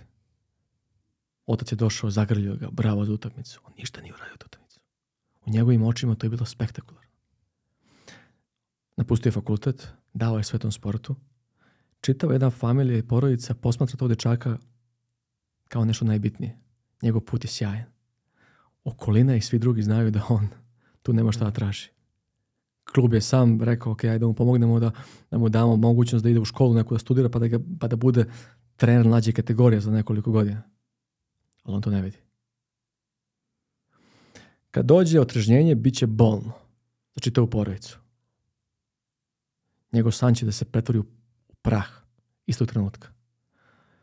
Rekao mi je momak koji je tu slušao naš razgovor, upravo se postao neprijatelj broj jedan u njegovim očima našao si se na putu njega i njegovog sna. Sport ali i neke druge te oblasti koje ti daju koje ti daju, istom trenutku daju ti odgovor ko si ti zapravo. Život te nekad zavarava duže vremena. Pa ti provodiš godine, godine, godine, dok otkri... Oh, pogrešio sam. Šta sad? Sport je brza reakcija. Tu si, desi, šta si, iz početka. Mali broj njih uspe. Ja svaki dan posmatram kako se snovi ruše. I to nije lako. Ja sam empatični malo čovjek po prirodi i, i to mi jako teško pada. Pogotovo kad vidim roditelje koji se užive 100% u svoje dete pa, pa žele. To nije lako. I eto. Zato je bitno imati i dobru, dobru kuću. Da porodica tvoja zapravo zna ti kaže, sine, dobro, trener, šta god želiš, to je super. Hajmo u školu u istom trenutku. Hajmo da se edukujemo. Hajde da ti pomognem što treba da uradiš, ali da ideš na nekoliko frontova i da vidiš koji je tebi front najpristupačniji. Želim da budem najbolji na svetu futbaler. Hajde, budi futbaler. Ali ajde, ajde u istom trenutku nađi još neke stvari koje te zanimaju. Hajde, zašto ne? Kad završiš futbol, kad budeš bio posto najveći igrač sveta, završiš futbol, hajde da imaš neku karijeru posto toga, nešto što te zanima. To su roditelji pravi koji mogu de, decu tu smeravaju, koji mogu da ih, da ih okrenu u pravom smeru. Nedostajam toga. Roditelji više nemaju vremena da se bavaju toliko svojom decom. Otišli su u potragu za više, za, za boljim životom, za boljim stvarima. Deca sama, sama snalaze se. Nego će kaže, pa i mi smo se sami snalazili. Jeste? Bila su drugačije vremena, mnogo, nego sad. Sada je toliko razvoda brakova Međutim, dopala mi se jedna stvar koju sam slušao od mog prijatelja. Njegov sin je pričao kako je jedna devojčica iz razreda, ostavio ih je otac, ostavio da žive s majkom i čitavo se odeljenje okupilo oko te devojčice. Ona je ispričala svoju priču. A oni su je tešili. Zamisli to. Okrenula se odmah ka adaptivnoj strategiji. Nije se povukla u sebe. Nije sakrila svoj problem nego je rekla svojim drugarima. Ne samo to, nego je pokazala poruke koje šalju otac i majka, prepucavaju se preko nje, upućuju poruke jednom drugom. Preko djevojčice od, ne znam, 11, 12, 13 godina. Ona je otišla i okrenula svojim drugarima koji su bili uz nju. Oduševio sam se. Ipak ima nade za ovaj svet. Ipak nije, nije to samo to, nego i pokazujemo da smo, da smo ljudi. Jesi pisao knjigu o optimističan ili iz, nekog, iz neke brige? Knjigu sam napisao onako kako bih ja voleo da sam, da je meni neko predstavio. Volao bih da sam pročitao ovo sa 18 godina, 17, 16, 15 godina. Zaista i volao. Zato što u njoj se pružaju opcije i mogućnosti, ali se daju i prepreke određene. Daje se realno stanje, kako izgleda to. Ovo su stvari koje su realne. Sad ti pristupi njima kako ti vidiš. Dobro, možemo kažemo. Imam, oženit ću se dobro. Dobro, super, oženit ću se dobro. Moja žena će biti za mene sjajna, imat ćemo sjajan život, super. Doće jedan trenutak vašeg života kad ćete da malo, kada će vaša ljubav malo da popusti.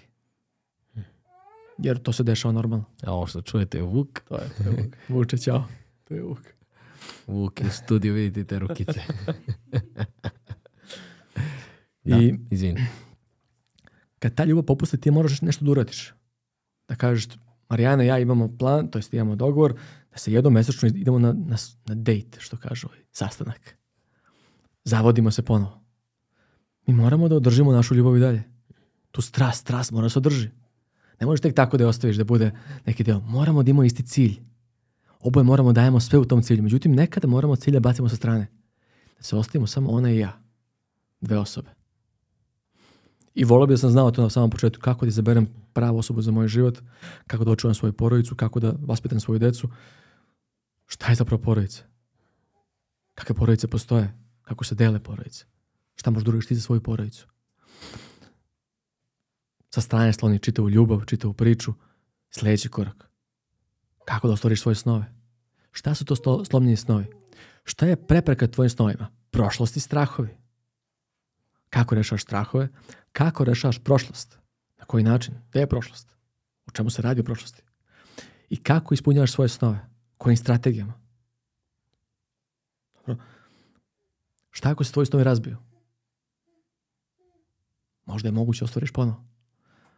Kako postati mentalno otporan? kad ti padne sve u vodu što si isplanirao, kako postati mentalno otporan.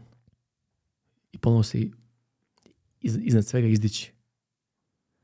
Šta sve možeš da uradiš? I na kraju sam stavio jedan, zvao sam pogledaj, mračni predeo. To je predeo mraka. Realnost života. Ali ti imaš izbor. Da uzmeš po jednu strategiju iz svih prethodnih poglavlja. E da je ubaciš u mračni predeo. I da pokušaš njom da se vodiš u nastavku života. Meni je rekao to, meni je pomoglo to šta bi radio glavni junak mog filma. Pa evo, skrenuo bi pogrešnu ulicu, za početak. To je za početak. To ću da uradim. Tako da, ma najbitnija stvar prava osoba pored tebe. Najbitnije. To je ključno. To je toliko bitno, to je i nemojte tu osobu nikad izgubiti. Sve radite što možete. To je najbitnija stvar na svetu. Da neko ne misli, Marijana je daleko od crkije, ne udara ga i ne pritiska ga da ovo priča. Mi nemamo skript. Marijana je, da. Marijana je sta, najstabilnija u našoj mm. porodici, mm. tako ću kažem. Ona je, već sam rekao, oslonac kuće. Ima taj kod genetski da sačuva porodicu. Ima u sebi sve što je potrebno jednoj ženi da zna da, da kaže drugima kad, kad brljavi u nečemu ima to da je, da je ona sigurna luka za sve nas. Kad god neko od nas nešto pogleda, redko kad deca idu kod mene prvo, prvo kod Marijane idu. I ja ne idem kod neko drugog, prvo idem kod Marijane. Marijana je zapravo kućni psihoterapeut. to, je, to je ta priča. I, I to je dobro, imati svoju, što kaže Seneka, ako čovjek ne zna u koju luku plovi, nijedan mu vetar ne valja. Ha, mora znaš da ideš u koju luku. Mora da imaš svoju luku. Ta luka je za nas sve Marijana. Nadam se da imaju svi svoju Marijanu jer to je, to je onako baš, baš bitno u životu, ali postali smo mnogo otvoreni. Ta, slo, ta sloboda ljubavi koja se dogodila u jednom trenutku nas je dovela do toga da smo malo i zastranili, čini mi se. Šta misliš po tim otvoreni? Pa, menjamo često partnere. Lako se upuštamo u avanture. Um, sve to ne vodi na dobro. To je definitivno. Jer treba sačuvati svoju dušu na mm. kraju. Nismo, nismo za zauvek ovdje na ovom svetu. Treba o tome isto razmišljati. Da idemo u kom smeru. Evo Vuk se tamo bori, ima svoje poteškoće i borbe. Kako da izvede to sve. Muči se. To je za njega isto jedan, jedan novi svet, jedan novi pokušaj. Kako se užive ovo 100%. To kad je gladan, ništa drugo ne postoji. Ovaj, ali znaš šta, sad ovo što si rekao je, ja verujem čak i ključ upravo uh, problema sa kojim se suočavamo kao društvo, a to je mm, nepostojanje tih osnovnih postulata porodičnih. Uh, koliko god je dobro što trenutno smo povezani svi međusobno, toliko ti to otvara i te mogućnosti, kao što ti kažeš sada, uh, da lako promeniš partnere, da ideš iz veze u vezu, da uh, imaš uh, neobavezne seksualne odnose i mm. tako dalje i tako. E svaki svako to davanje sebe nekoj drugoj osobi, ti zaovek gubiš jedan deo sebe mm. koji će ti kasnije biti znatno teži da daš pravoj osobi, o čemu mi pričamo, plus ta ideja o ja sve mogu, ja sve, ja mogu da, ne znam, svaki večer, večer spavam sa drugom osobom. Pričam sad o muškarcima mm i žena, to, se, to, to se mm potpuno nebitno. Ali je ta, to eksperimentisanje nam toliko šteti na duge staze da, da meni, meni nejasno zašto mi ne pričamo više o tome. Kao, ovaj, kao razlogu zašto se osjećamo izgubljeno? Pa dobro, stvari su jednostavne, bar ja to tako vidim. Mm -hmm. Imaš mnogo opcija na talonu.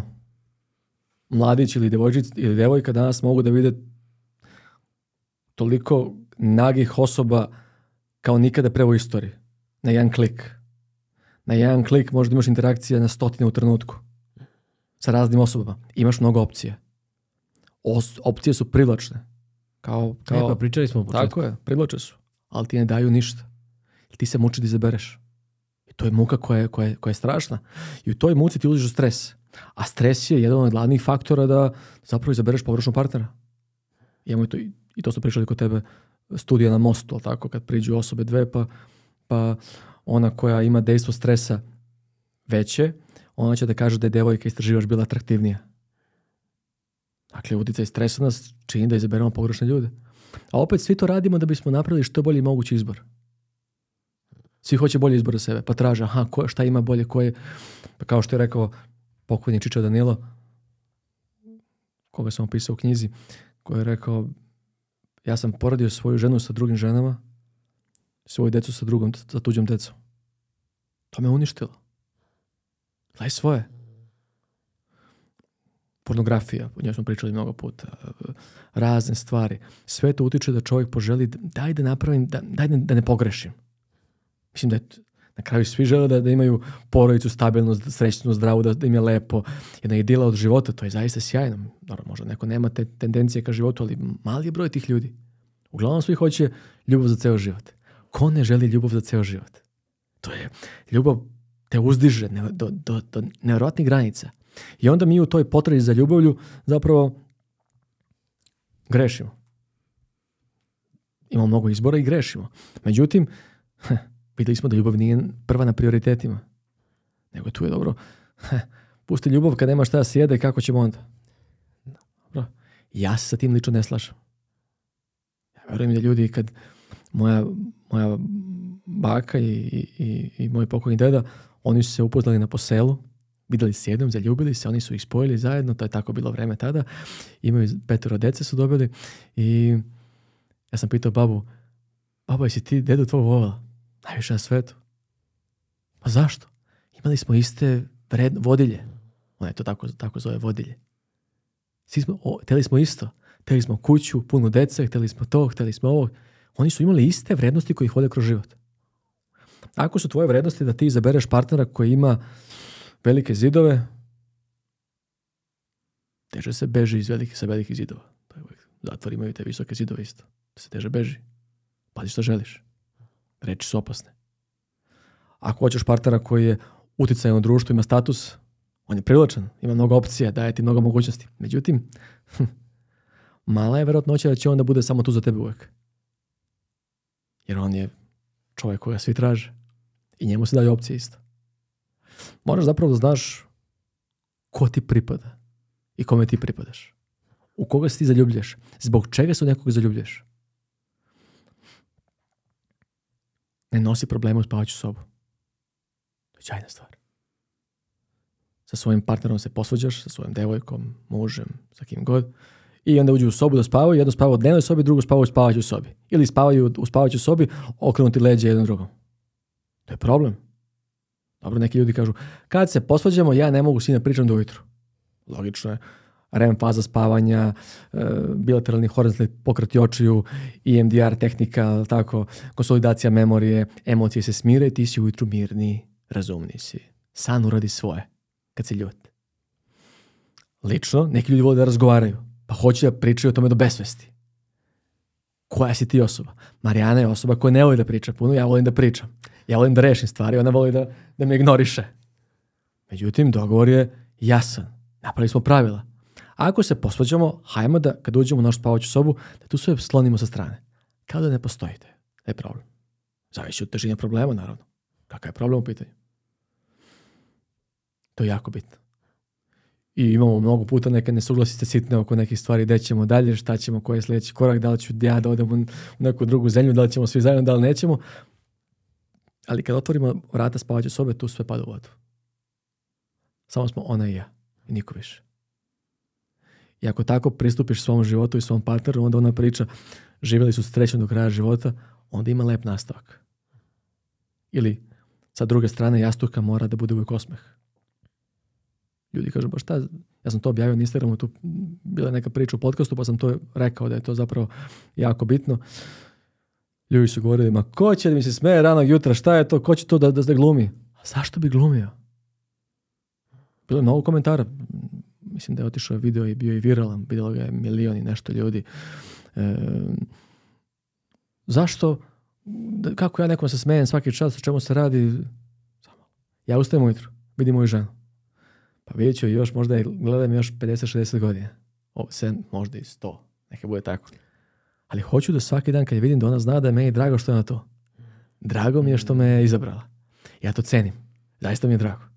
Ja sam se potrudio mnogo oko nje. Išao sam motorom, do sutomore, svašta što sam radio da bi, da bi došao do nje. I jako mi je drago što je na to. I hoću, pravio sam razne gluposti i, i razne stvari. Ali hoću da da je dam do znanja da sam ja srećan što je ona tu mm. pored mene. I ako ne mogu ujutro kad ustajem, da kažem, dobro jutro ovo je novi dan, ajmo ponovo. I ako ne može on da uradi to isto, kakav je to život? Ustaneš ujutru, neko kaže, ćao ma, ćao ma, pusti me sad, šta me sad pitaš, kako mi je na posao, idem, ajde, kasnimo. Kako ti je počeo dan, čoveče? Šta je to? Napravi pravila, pregovaraj o, tim, pregovaraj o pravilima. Pregovaraj sa svojim, to je tvoja ljubav. To je, to je za tvoj ceo život osoba. To je savez ekonomski, finansijski, e, bračni, ljubavni, organizacija, struktura, ko baca smeće, ko, ba, ko baca smeće čoveče. To je bitno. Ko to je bitna stvar. Smeće, Maro. A... Pogrešim, pa, izvini, izvini stvar. Pogrešim. Ali stvarno, to, to je... Da. Utorkom i petkom se izbacuje džubre. Srđan izbaci, ja zaboravim. Ona je ljuta, zato što to, ona mora da uradi to. Ja sam pogrešio. Napravite pravila. Da, ljubav mora da bude si. Ne. Izgubit ćeš ljubav ako nemaš jasna pravila u tom odnosu. Ko se budi, ja sam imao sreću kad, kad su deca bila mala, Marijana se budila stalno. Ja nisam mogao da se probudim. Ona me probudi, ja stavim nogu na, na krevetici i guram nogom dok ih ne uspavam tako ponovo. Trudio sam, stvarno sam se trudio. Ali mi ona nije dala, rekla mi je u redu vidim da ti ovo teško pada. to je meni Emilija rekla. Da, tako? da, da, dala mi ga da, da ga uspavam jedno veče i sad ja ovaj, Znaš, ono, i ona izašla posle, de, posle 15 minuta, dolazi njegove okice, ovako, kaže ona meni, vidim da ti ovo ne ide baš dobro. znaš, rekao, ako ga ostaviš kod mene, mi ćemo se smejemo, kao na, ništa mi, ne, ne znam šta da radim. Da, da, znaš, kao, Mogu samo da se ga zezam, ništa više. Znaš. Tako je. Ta sitna pravila koje vi postavite, pravila, stavke, šta god da ljudi kažu, a danas svi neka pravila, pravila su bitna. Ne možeš da kažeš, e, pravila, ne postoje pravila za bolji život, postoje pravila za bolji život. Ona su tu. Ti ako ne želiš da ih vidiš, ako odbijaš, ako te taj koncept, možda ta reč te nervira, ali ti ta pravila živiš za bolji život. Nešto radiš za svoju porodicu svaki dan. Napravi sa svojom suprugom ili svojim suprugom, mužem, napravi plan. Jasna pravila. Kako se jedno prema drugome ophodite? Kako prema deci? Šta kad ste Šta kad niste na istim stranama? Šta kad su tu drugi? Na čijoj strani će mm. bude ovaj drugi? To su sve bitne stavke. Šta radimo kad nemamo financije? Koji nam je sledeći korak? Šta da radimo? Ljudi kažu, ne vjerujem me pitanja. Sad svi neka pitanja postavljaju. Pa zato što je pitanje fundament tvog postojanja. Kako da rešim problem? Sa mojom ženom? Evo ti nemoj da postojiš pitanje, pa ga reši. Šta ti zna? Ja sam odrastao u porodici koja je disfunkcionalna. I ja moj nauči rad prvi zajedno sa mojom suprugom rezilijentnost dece u, u, u, u doba nasilja. To je naš prvi zajednički rad. Opa, pa, čestitam. Čestitamo, čestitamo. I takođe sam odrastao u porodici koja je bila jako disfunkcionalna. Nasilna, mnogo problema smo imali. Ja znam kako to uti, kako uticalo to na mene, kako sam se ja borio sa tim, kako to utiče na mnogo ljude širom sveta i opet ja nisam zbog toga ekspert za porodično pitanje, što sam ja to prošao. Samo znam da je to jako komplikovano. I da dve osobe koje uđu u bračni odnos, moj otac i majka su ušli u, iz pogrešnih razloga su ušli u bračni odnos. Zato što nisu prepoznali zaljubljenost i ljubav. Bili su zaljubljeni jako jedno drugo. A onda kad je jedno nestalo od ovog drugog, onda im je nedostajala taj osjećaj poleta nekog. Međutim, nakon godinu dana ljubav izbledi. Rekli smo nekoliko struktura, možda ih je povezano. Kad medijalni prefrontalni korteks više nema opciju, on premosti i dođe razum dođe na ključ. To je na, dođe ti na, na talon. Šta sad? Ova osoba je kriva za sve. Ti si kriva pa je sam neku drugu devojku izabrao. Ja sam mogla neku drugu izaberem. Već je razvor počeo. Nisu na istoj strani. Ali tu su deca. U redu, hajmo sad da, da napravimo bolji život za našu decu. Treba nam kuća, treba nam posao. Tu su kuća i posao, a ljubav ne postoji. Ljubavni savez se pretvorio u, u savez ka, ka nekom cilju. Međutim, čovjek je biće koji voli ljubav. Nedostaje mu pažnja i nežnost. I onda te dve osobe počinju da izdivaju najgore jedno u drugom. Ja sam tako odrastao.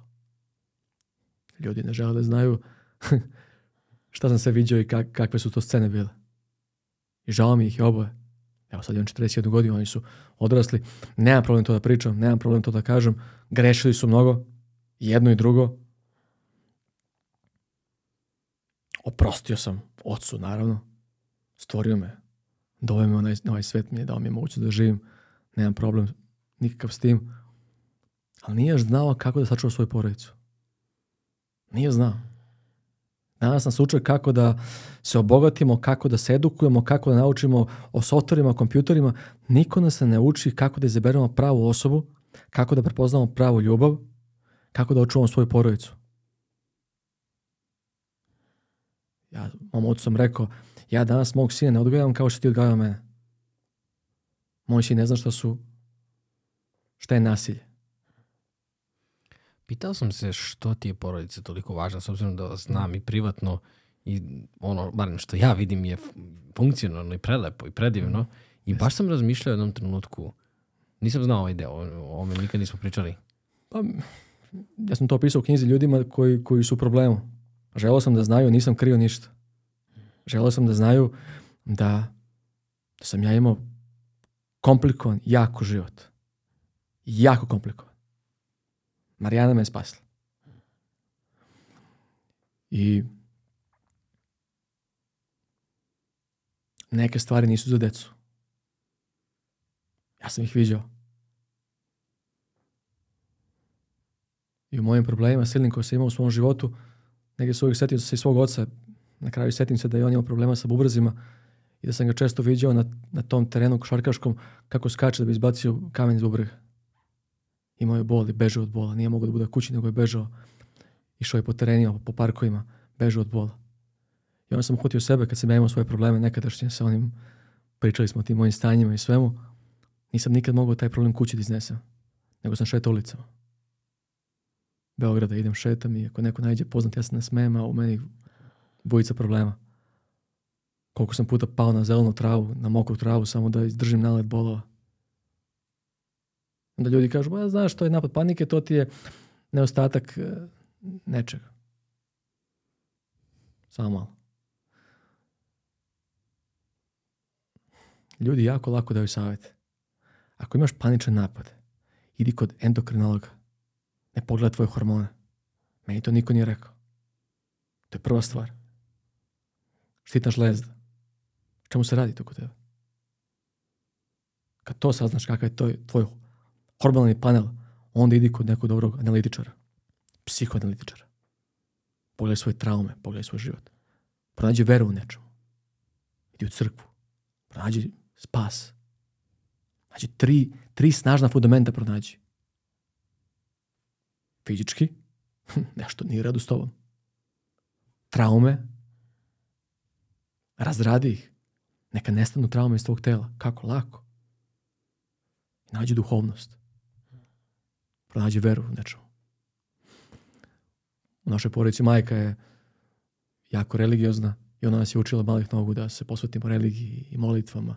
Eto, dobio sam ženu, suprugu koja, koja isto neguje taj čitav, čitav, da kažem, nego je taj duh u našoj porodici. I svi to radimo, svako čitao molitve, svako jutro, deca su već ušla, ne ide spavanje bez molitve. To je nek, neki naš ritual. I porodice bi treba bude sigurna kuća svaku, svaku dete. I zato sam i napisao knjigu za ljude koji su izgubljeni, koji imaju teške porodice, teške porodične priče. Volio bi da znaju da nije sve izgubljeno.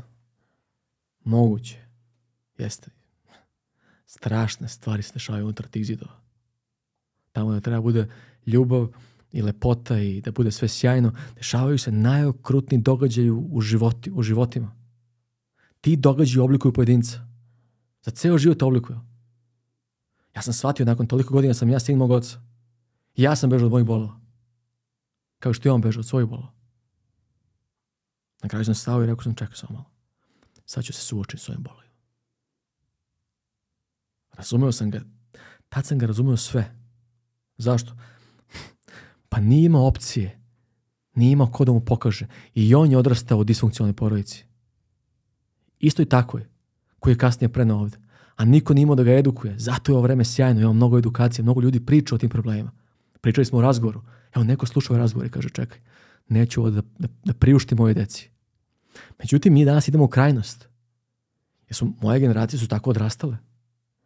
Niko nije vremena za nas da nas vaspitava. Ulica te vaspitava. To tako je, 90. godine su bile u pitanju. I onda smo našu decu napravili mlitavim. I ona postaju sada kilava. Jer nam je žao naše dece. Jer nam je žao nas samih zapravo. Šta sam ja prolazio, neću to prolaza moja deca. Ja nisam želeo ni tu krajnost. Nego, sinu kažem, slušaj, mačak, ti kaži jednu stvar. Ovako, Helena, Aleksej, sastanak, dođite ovde.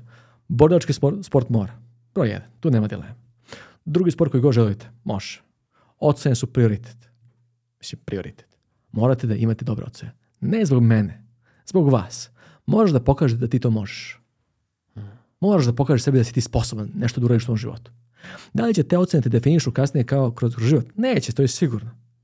Međutim, daće ti nešto drugačije. Daće ti mogućnost i opciju da ti znaš da ti to možeš da uradiš. To je velika stvar za tebe ako to ne uradiš, danas su razne ideje tu, pa nema kažnjavanja dece. Naša deca ne znaju šta su batine. Ne znaju šta je to... Ne znaju. Čude se kad vide da nekog, nekog udari u školi došla je majka, udarila neko dete, oni su pričali nama tome ceo dan, kako je, pa, šok, iz nju, u njima je bio šok, kako je to moguće? A to je moguće. Kako tata i mama, dve osobe koje najviše volim na svetu, mogu da podignu ruku na mene? Kod nas postoje kazne u porodicu i one su jasne. Propustiš borilački sport. Nema ni drugog sporta koji voliš.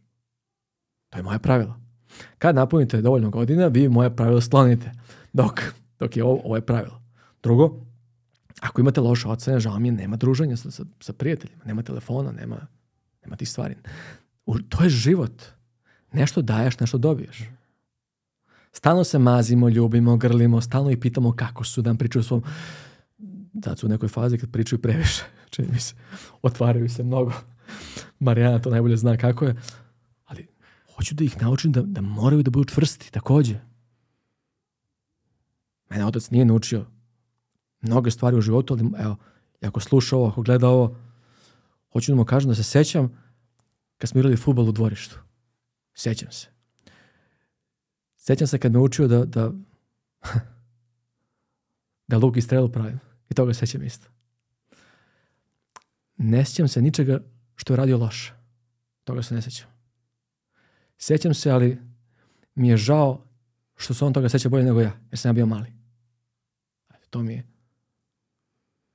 I hoću sutra kad moj sin bude meni pričao nešto, hoću mi kaže drugačije nešto. Kad moja čerka bude došla i, bude kaže, i, kaže, moj tata.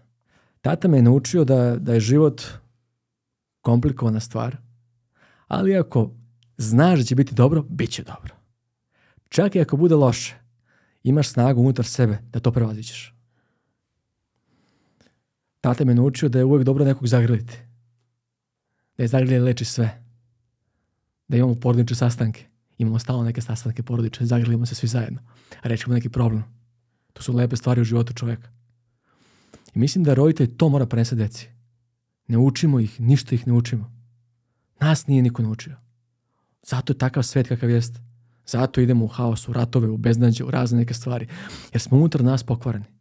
Ne, ne pokvareni kao ljudi, nego imamo pokvarene delove koji sakrivamo. I kad dođe trenutak koji je najbitniji, tu pogrešimo.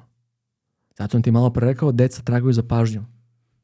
Šta će biti kasnije kad ta deca postanu roditelji? Kad im njihov partner ne bude dao pažnju koja im je neophodna? Kako će to izgledati? Taj brak, taj odnos. O čemu se tu radi?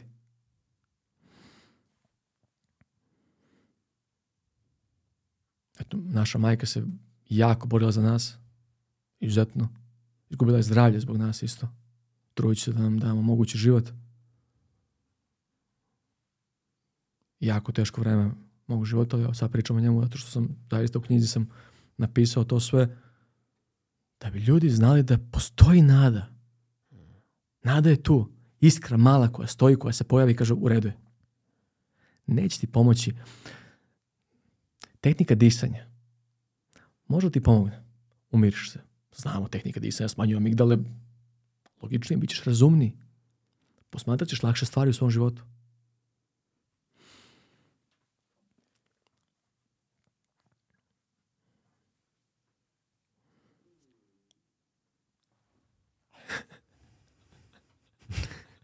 Čuli smo Maru.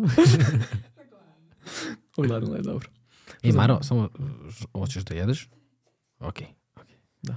Može Miške da ti spremi nešto, ne? Tako da, ne znam šta sam, gde sam sad stao, šta sam, č... zaboravio sam čemu ste pričali baš. O porodici. O porodici, o, o, porodici. O, ono što je meni nekako komentar na sve ovo bio da je važno zašto, zašto, uh, e, važno je što si ovo podelio zato što kada neko sad ko uđe prvi put nije čuo za tebe ili čuo pratite poslednjih godinu, dve, može da vidi, ne znam, imate preko 150.000 ljudi koje, prati, koje te prati na Instagramu, uh, gde, gde se vidi samo jedna strana, a i neko poželi kaže hoću ja ovo jednog dana. Ne znam da li će da bude ovo čime se ti baviš ili će da bude ne znam, najbolji u svom poslu, ali kao hoću ovako da budem. Ali važno je da se, da se, da se zna da čvrstina, snaga, otpornost, sve ono čemu ti pričaš, dolazi iz ove priče. Dolazi iz nečega što izgleda kao beznađe, da. a u stvari se na kraju nađe. Pa dolazi. Možda dolazi. Možda i ne. Pa izbor. Izbor. Kako ti posmatraš lekciju u svom životu i stvari? Ja mogu da naučim nešto danas iz ovog našeg razgovora. Pa kažem, dobro, drago me da sam podelio ovu priču. Jer će možda da se pojavi jedan dečkić, devojčica, koji su u ovoj istoj situaciji. I kažu, pa ovaj srđan je jedan običan tip. Običan čovjek kao i svi mi drugi. On je uspeo da pronađe negde iz tog svog haosa ne, ne, nešto je pronašao. Ja sam naučio da kad imaš strah, a kad najeđe užas, strahovi nestanu. To ljudi ne mogu da znaju što to znači. Kad imaš mnogo straha, najeđe užas. Užas sam video. I šta onda? Ništa. Progutaš i dalje. Niko mi nije rekao sačekaj. Smiri se. Napiši kako se osjećaš po toga. Neko će misli, zašto priča stalno o pisanju? Pa zapiši kako se osjećaš čoveče. Nije mi dobro, teško mi je, ceo svet mi je na plećima, ne znam šta da radim više, muči me, pomišljam na svašta, e, za mene nema nade. Zapiši to sve, izbaci. Nađi nekoga kojim će, kojim će to da kažeš, s kim ćeš to da podeliš pronađi neku osobu. Reci, osjećam to, u grlo osjećam to. Izvoli. Reci. Isgovori to. Mene to tad niko nije učio. Ćuti, preguraj, dalje nastavi. Kad se dogodio prvi napad problema, niko nije znao šta je to. Svi kao, evo ti injekcija prva za, za, za bolave. I šta ajmo, mi smo tako odgrani, pa prvo je bilo, idemo kaže, post, e, da vidiš, da se smiriš još više, to je duhovnost, da se vratiš tome. Niko me nije poslao kod doktora, kaže, e, uradi to. Kad sam odšao kod doktora prvi put, već je bilo kasno i doktor nije znao čemu se radi. Zamaskirali se mnogo problema. Iz jednog malog kvara. Da je neko rekao, reci što, reci što te muči. Pa muči me što su moji otac i majka nisu na pravi način izabrali sebe. Ali sam im zahvalan. U to njihove, zbog njihove greške sam došao ja. Hvala. Hvala. Jer ja hoću da prekinem taj niz. Sa, sa tim kako ste vi odrastali, na koji način, ja hoću taj niz da prekinem. Iako moja majka je, njena porodica je bila totalno drugačija. Oni su zajedništvo, velika porodica, onako, drugačije su imali, drugačije vrednosti su imali.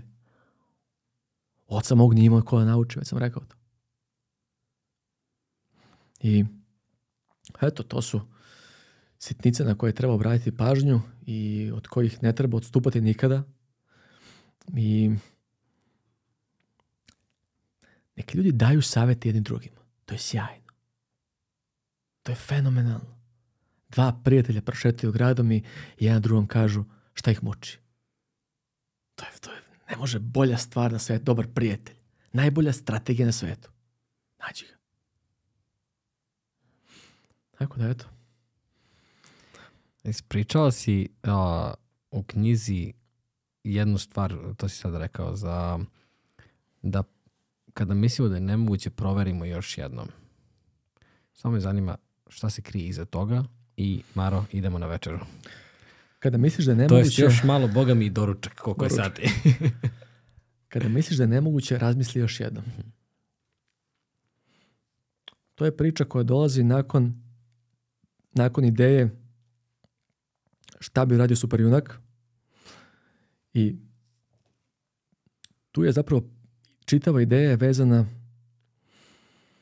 za pogrešne izbore. I ona se nadovezuje na priču o snovima.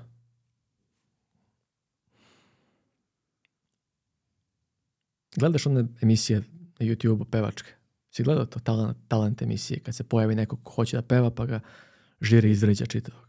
Pa, pa mu kaže nisi dobar, beži kući i tako dalje. Pa on na scenu pozove roditelje, pa se roditelji svađaju, pa se tuku, pa svašta bude. Si gledao to nekako? Ne, ali poslaćeš ćeš mi zanimati. ja imam neke čudne hobije. Posmatram pogrešne stvari. to me je zainteresovalo zaista, zaista puno. Kako dođemo od toga da neko pomisli da nešto što nije?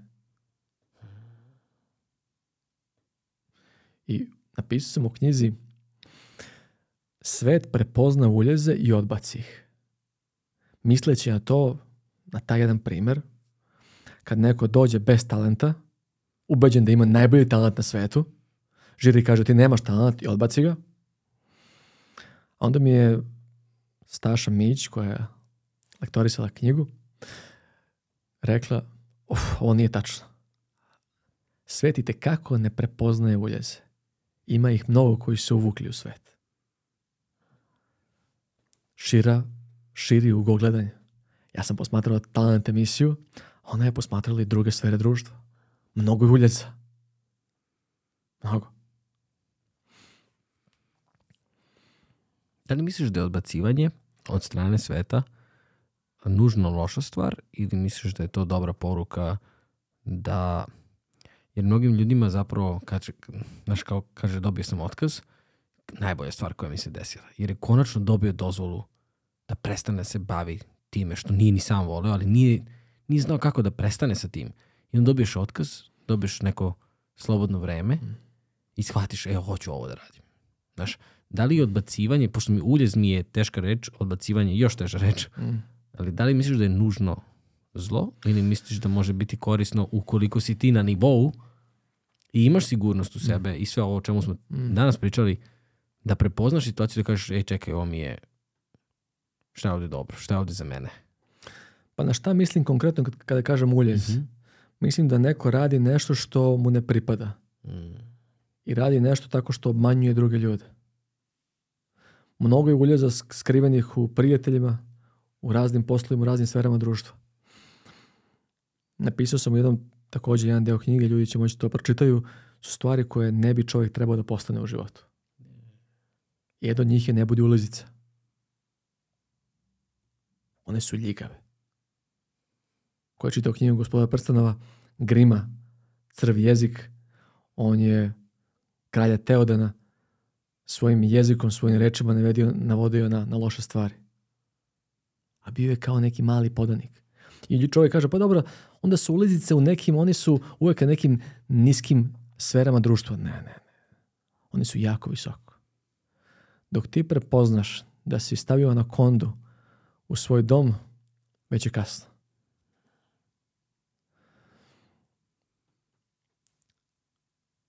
Takvih uljeza je previše.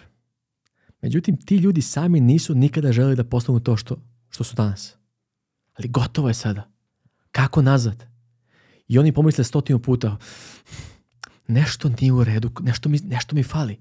Imam sve, imam i novac, imam i status, imam i to. Nešto mi, nedostaje mi nešto. Da, nedostaje ti jer si postao onaj ko ne želiš da postaneš. Kad si bio mali, nisi nikada želeo da budeš taj ko si danas. Te će da spasiš nekoga. Malo je onih ljudi koji su želeli da budu zlikovci. Što je rekao ja, moj prijatelj, mala šala, E, kako sam bio glup kad sam bio mali, u, u prvom razredu svi pišu šta bi želeli da budu ko porastu. Svi su pisali piloti, astronauti, ja sam pisao da, da, da pravim sladolede. evo danas radim u Delti, u fabrici sladoleda. Da, da.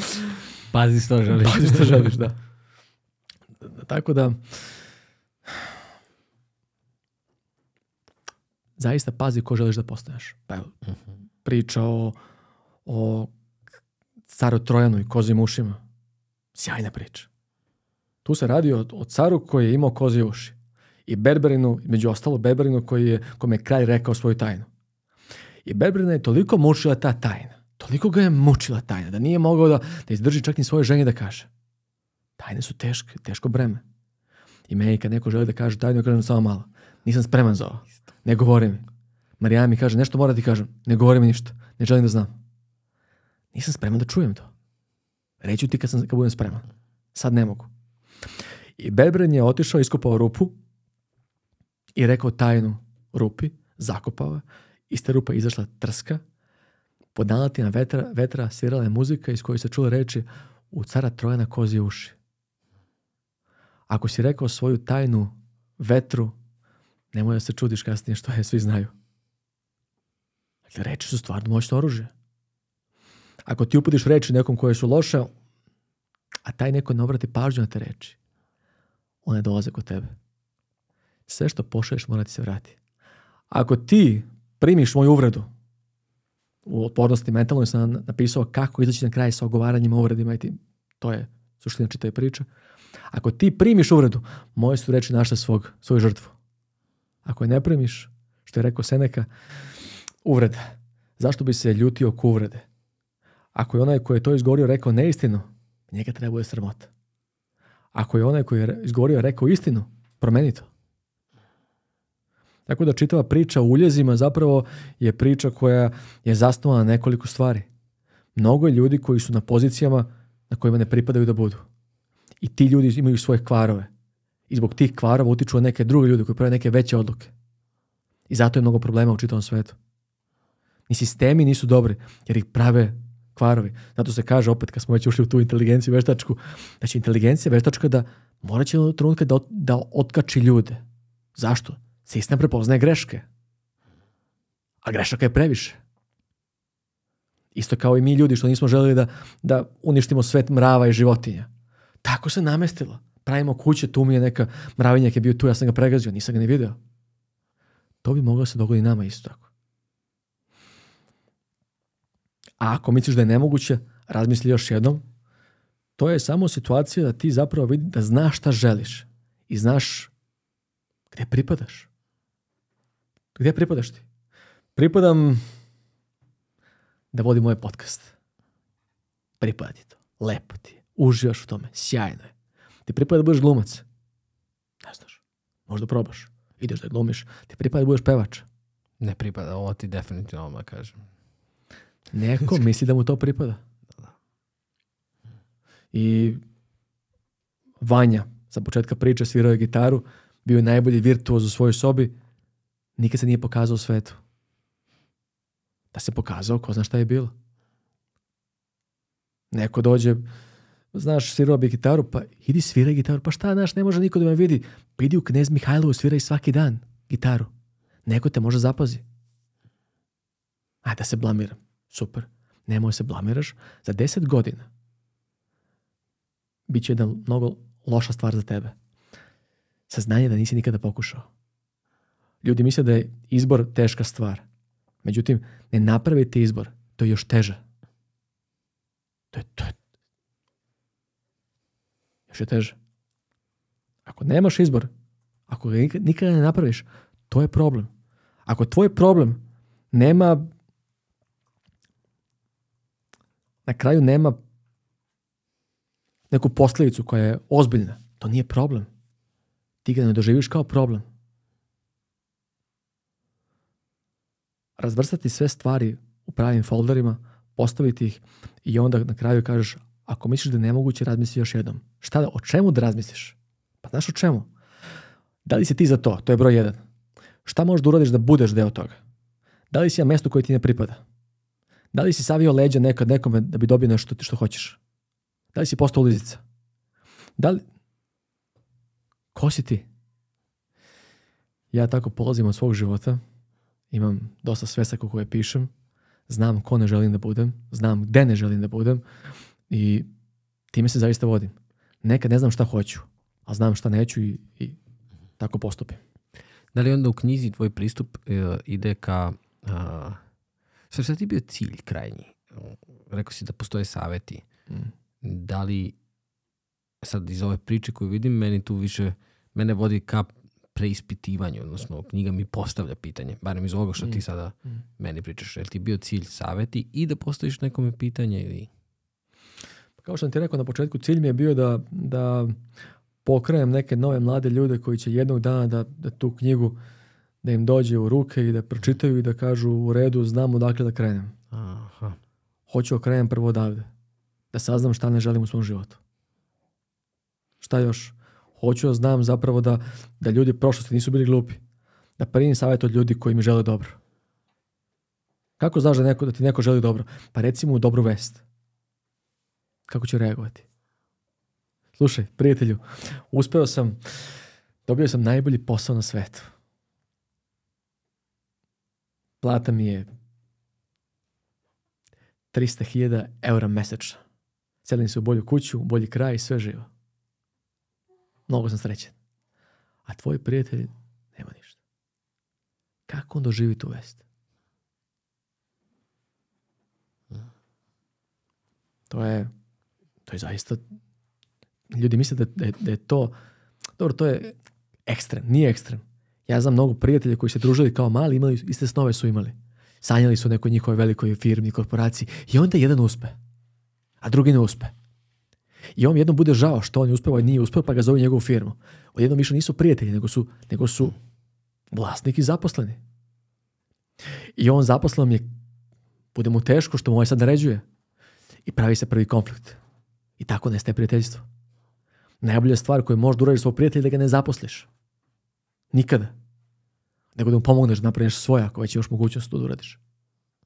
Ne sažaljavaj ljude, pomozi im. Ako možeš. To je ključno. Tako da je čitava ideja knjige bila je zapravo pisao sam je za moju decu, za sebe samog, za nekog momka, devojku koji, koji su koji ne znaju šta dalje. Kakav god, kako god ovaj svet bude izgledao za 100 godina, 500 godina, 1000 godina, ove stvari će uvek biti tu. Zašto? Svakoj, svakom poglavlju sam dao narodnu izreku koja je nastala pre 2000 godina, 3000 godina, 500 godina, 900 godina i tada je to važilo isto. Važit će i kasnije. Zaljubi se, voli, ne pristaj na mrvice neke male, zato što ti neko za te je bezbedan. Pa šta je sad, neko je za te je bezbedan. Šta ćeš da radiš za 32 godine kada budeš video sedi pored tebe i šta će, ja, kako sam protraćio život. Film sam gledao, kakav film. Oduševio me film. Radi se o tajnom agentu koji je u Egiptu. Brad Pitt glumi u filmu. I tamo upoznaje ženu koja je isto tajni špijun agent. Oni se zavole, zaljube se i odu da žive u London. Nakon bebe i nakon nekoliko godina njemu kucaju na vrata i kažu mu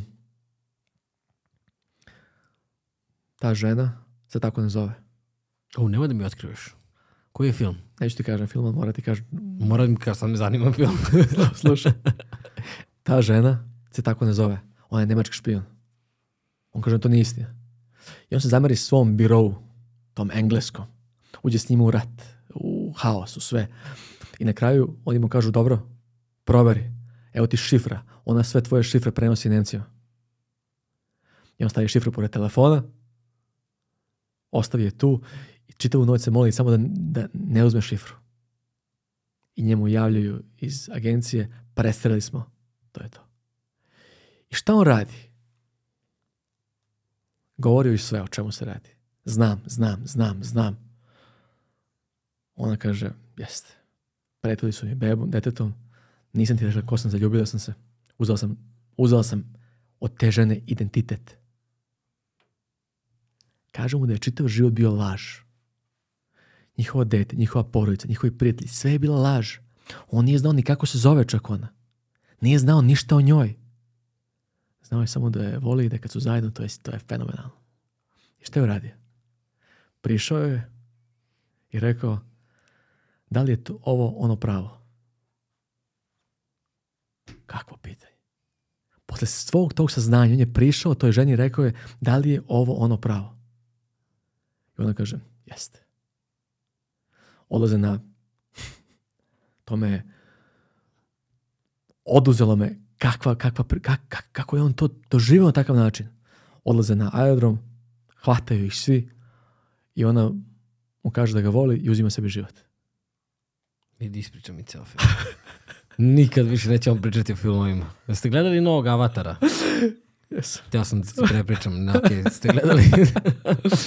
Hoću ti kažem da je, koliko je bitna ova priča. Njemu nije bilo bitno uopšte ko je ona, nego bilo, je bitno, bilo mu je bitno samo da li je to taj pravi osjećaj. Mm. To što njih dvoje imaju. Slagala ga, imala je svoje motive, imala je stvari, ali je bila tu za njega. I on nije tražio nikav dokaz ljubavi. Pokaži mi da me voliš. Ne, ne. Da li je ovo ono pravo, reci mi. Mm. Jeste. Dobro, ajmo idemo. Sve ostavljam. Svoju zemlju, sve, sve, idem s tobom. Kakva priča. I takve priče me inspirišu. I takve priče mi ljudi treba da pričamo jednim drugima. Te lepe priče. I tužne priče isto. Moramo da znamo da postoje tužne priče. Moramo znamo, znamo da postoje nesrećni ljudi koji su nesrećni jako u svojim životima. Koji ne mogu da uspeju. Postoje ljudi koji su, koji su ušli, okoreli su neke svoje ideologije. Koji prave probleme drugima. I oni ne vide iz toga izlaz. To su oni. Mi moramo da budemo svesni postojanja svih tih ljudi. Sjajnih, fenomenalnih, spektakularnih, oholih, zlih, sujetnih, zavidnih, zlikovaca, ozbiljnih, psihopata, hm, sociopata. Ako, ako smo svesni te skale postojanja čoveka, to nije uverenje, dragi moji prijatelji. To je jedna istinita stvar koja postoji. I ako smo toga svesni, kad se pojavi takva osoba, mi smo spremni. Šta mogu da uradim u svom životu, ponavljam ponovo istu priču, ako se dogodi loša okolnost? Šta mogu da uradim? Nešto mogu da uradim. Mogu prvo da budem sposoban. To je prva stvar. Ljudi za svoje rade, naj...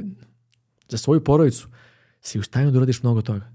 Ljudi pod nalatima emocija skaču više, trče brže, e, jači su, snažni su, majke podigne automobil da spasi svoje dete ljudi koji su spasavali žrtve iz zemljotresa su prijavili da najveći broj preživjeli su majke koje su čule bebe. Taj, taj nagoj za očuvanjem svog je jako bitan. I onda mi opet ne očuvamo svoje, nego pravimo im haos unutar tih porodica. Evo, ti, tvoja, tvoja žena i taj mali bebac, vi ste tim. Ko može da rastori taj tim? jednog dana ćeš da zaljubiš neku drugu devojku. Da sebe dohvatiš odmah za uvo istog trenutka i da kažeš šta radiš to? Ovo je tvoj tim. To je... Nema kupovine novih igrača. Zaboravi. Možda dovedeš još neke igrače, još dvoje, troje, četvoro. Ali menjanja novih za starih, to ne postoji. Ovaj tvoj tim nikad ne menjaš. To su pravila života, pravila porodice i ko se vodi tim pravilima da reši problem unutar svoje porodice, on neće imati nijedan problem. Prava porodica će da prepozna tvoje greške, da ti kaže, ej, radiš, radiš gluposti čoveče, otrezni se, nemoj da radiš to. E sad ako ti to ne želiš da prihvatiš taj savjet, to je problem. Ali lično mislim da od nas počinje sve. Od nas danas počinje. Kako prenosimo našim čerima i sinovima, šta im prenosimo prenosimo im to da je ovo tim, porodica, ćelija koja je neprikosnovena i da oni sutra prave svoje ćelije koje su neprikosnovene i da je taj izbor najbitniji na svetu. Da tu mora da bude ljubav bez premca, da tu mora da bude poverenje bez premca i da tu ćeliju nikad ne menjaš. Ako se zaljubiš, danas također znamo preko magnetne rezonance e, određenim delovima mozga, da znaš koji će muškarci biti neverni ili žene. To je isto očigledno danas. Međutim, šta je još očiglednije? Da ih je takvim načinila okolina u kojoj su odrastali. Ona nas oblikuje opet. Oblikuje svoju jedinicu, to je svoju ćeliju, oblikuje na pravi način. I daju je vrednosti da ide u svet. I oni će da traže slične sebi u tim vrednostima. I tako nastaje pravo društvo koje kasnije pravi svoje neke ideje. Međutim, ako mi izbegavamo prave probleme, pričamo o stvarima koje su nebitne i nevažne, jurimo bogatstva. Najveće bogatstvo je ovo što imaš u sobi. To je najveće bogatstvo i ovo što imam ja u sobi. To je najbitnija stvar na svetu. Eto, to je to. Neću ništa da dodam na ovo zato što je ovaj, uvek uživanje slušati te i sa tobom su razgovori, nikad ne znaš u kom će pravcu krenuti, ali, ovaj, ali uvek dobije čovjek ono što, barem u mom slučaju tako. Da li, eh, s obzirom da sam ti rekao, da naše podcaste, to mi pričaju ljudi koji su psihoterapeuti, da, da svojim klijentima šalju eh, ovladaj svojim emocijama, zauzmi se za sebe, to je jedan od, od možda čak i naš najgledaniji a, da li imaš utisak da će se knjiga tvoja širiti a, po tim krugovima i da će psihoterapeuti koristiti tvoje štivo, to je sad tvoje štivo, a, u te svrhe? Da. Prvo mi je jako drago da to čujem, to moram da kažem. Onda čovjek vidi da nešto što radi ima smisla. Mm. I to je dobro. Ovo, kako, izvini, mi te spominjemo vrlo često u podcastu, mi, kada mi neko dođe uh, ko, pra, ko je pratio ranije, onda kaže, e, sa Zirovićem sam gledao, znaš, mm -hmm. i, mhm. tako da si uh, često spominjena ličnost u, drago, u, u, u ovom studiju, da znaš, stvarno. I što se drago. tiče i kamera i, i kad, pre nego što se upale kamere. Baš mi je drago. Pa, za knjigu ne znam. Zaista volao bih da dođe do ljudi kojima je potrebno. Volao bih da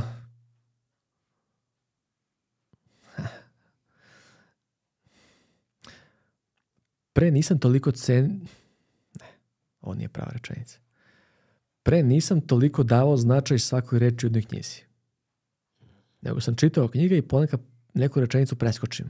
Mislim da nije dovoljno bitno. Sada kada sam pisao knjigu, video sam da svaka rečenica ima nastavak u sledećoj rečenici. I svaka reč povezuje reč na sledećoj strani. Toliko je sve bitno, toliko je sve povezano. I onda sam uzeo, nakon svoje knjige, kad sam, kada sam me napisao, uzeo sam i, i pročitao sam još nekoliko knjiga koje sam čitao pre, na, na preskokce. I tvoju sam knjigu također pročitao. Mm. Marijani sam rekao, kad sam završio, rekao sam, Ivan mi je poklonio knjigu pre dve godine. Nisam je pročitao. Sad ću da je pročitam. I moram ti kažem da si složio sve lepo didaktički, tako na pravi način. Od toga što da radiš kad od zauzimanja sebe i o tome si pričao. O, lepo si, opet podelio si u delove knjigu. Koji si čitao knjigu? Ti to možeš. Ja to mogu zapravo. Da, ti to možeš. Da, da ti da. to možeš, da, to. Da, znaš da će sada biti, sad je 8 godina kako 8 godina. Objavio. I, rekao sam Marijani, da. pre 8 godina da, da, da. dečko je ovo istražio sve, a to ima smisla. Mm. Te kako? I počeo sam da cenim zapravo pisce knjiga, znam koliko je to teško, iako danas opet inteligencija, tad neko će kaže ovaj se nameračio inteligenciju, nisam se nameračio, nego inteligencija sad piše knjige, tek tako. Knjiga više nema smisla. Ja mislim da i kako ima smisla. Jer ono što jedan čovjek zaključi i napiše i kako složi reči, nijedan sistem to neće moći nikada da uradi tako. Jer to lično iskustvo koje, koje, koje prožima jedno delo i jednu knjigu i reči, je nevjerojatna stvar.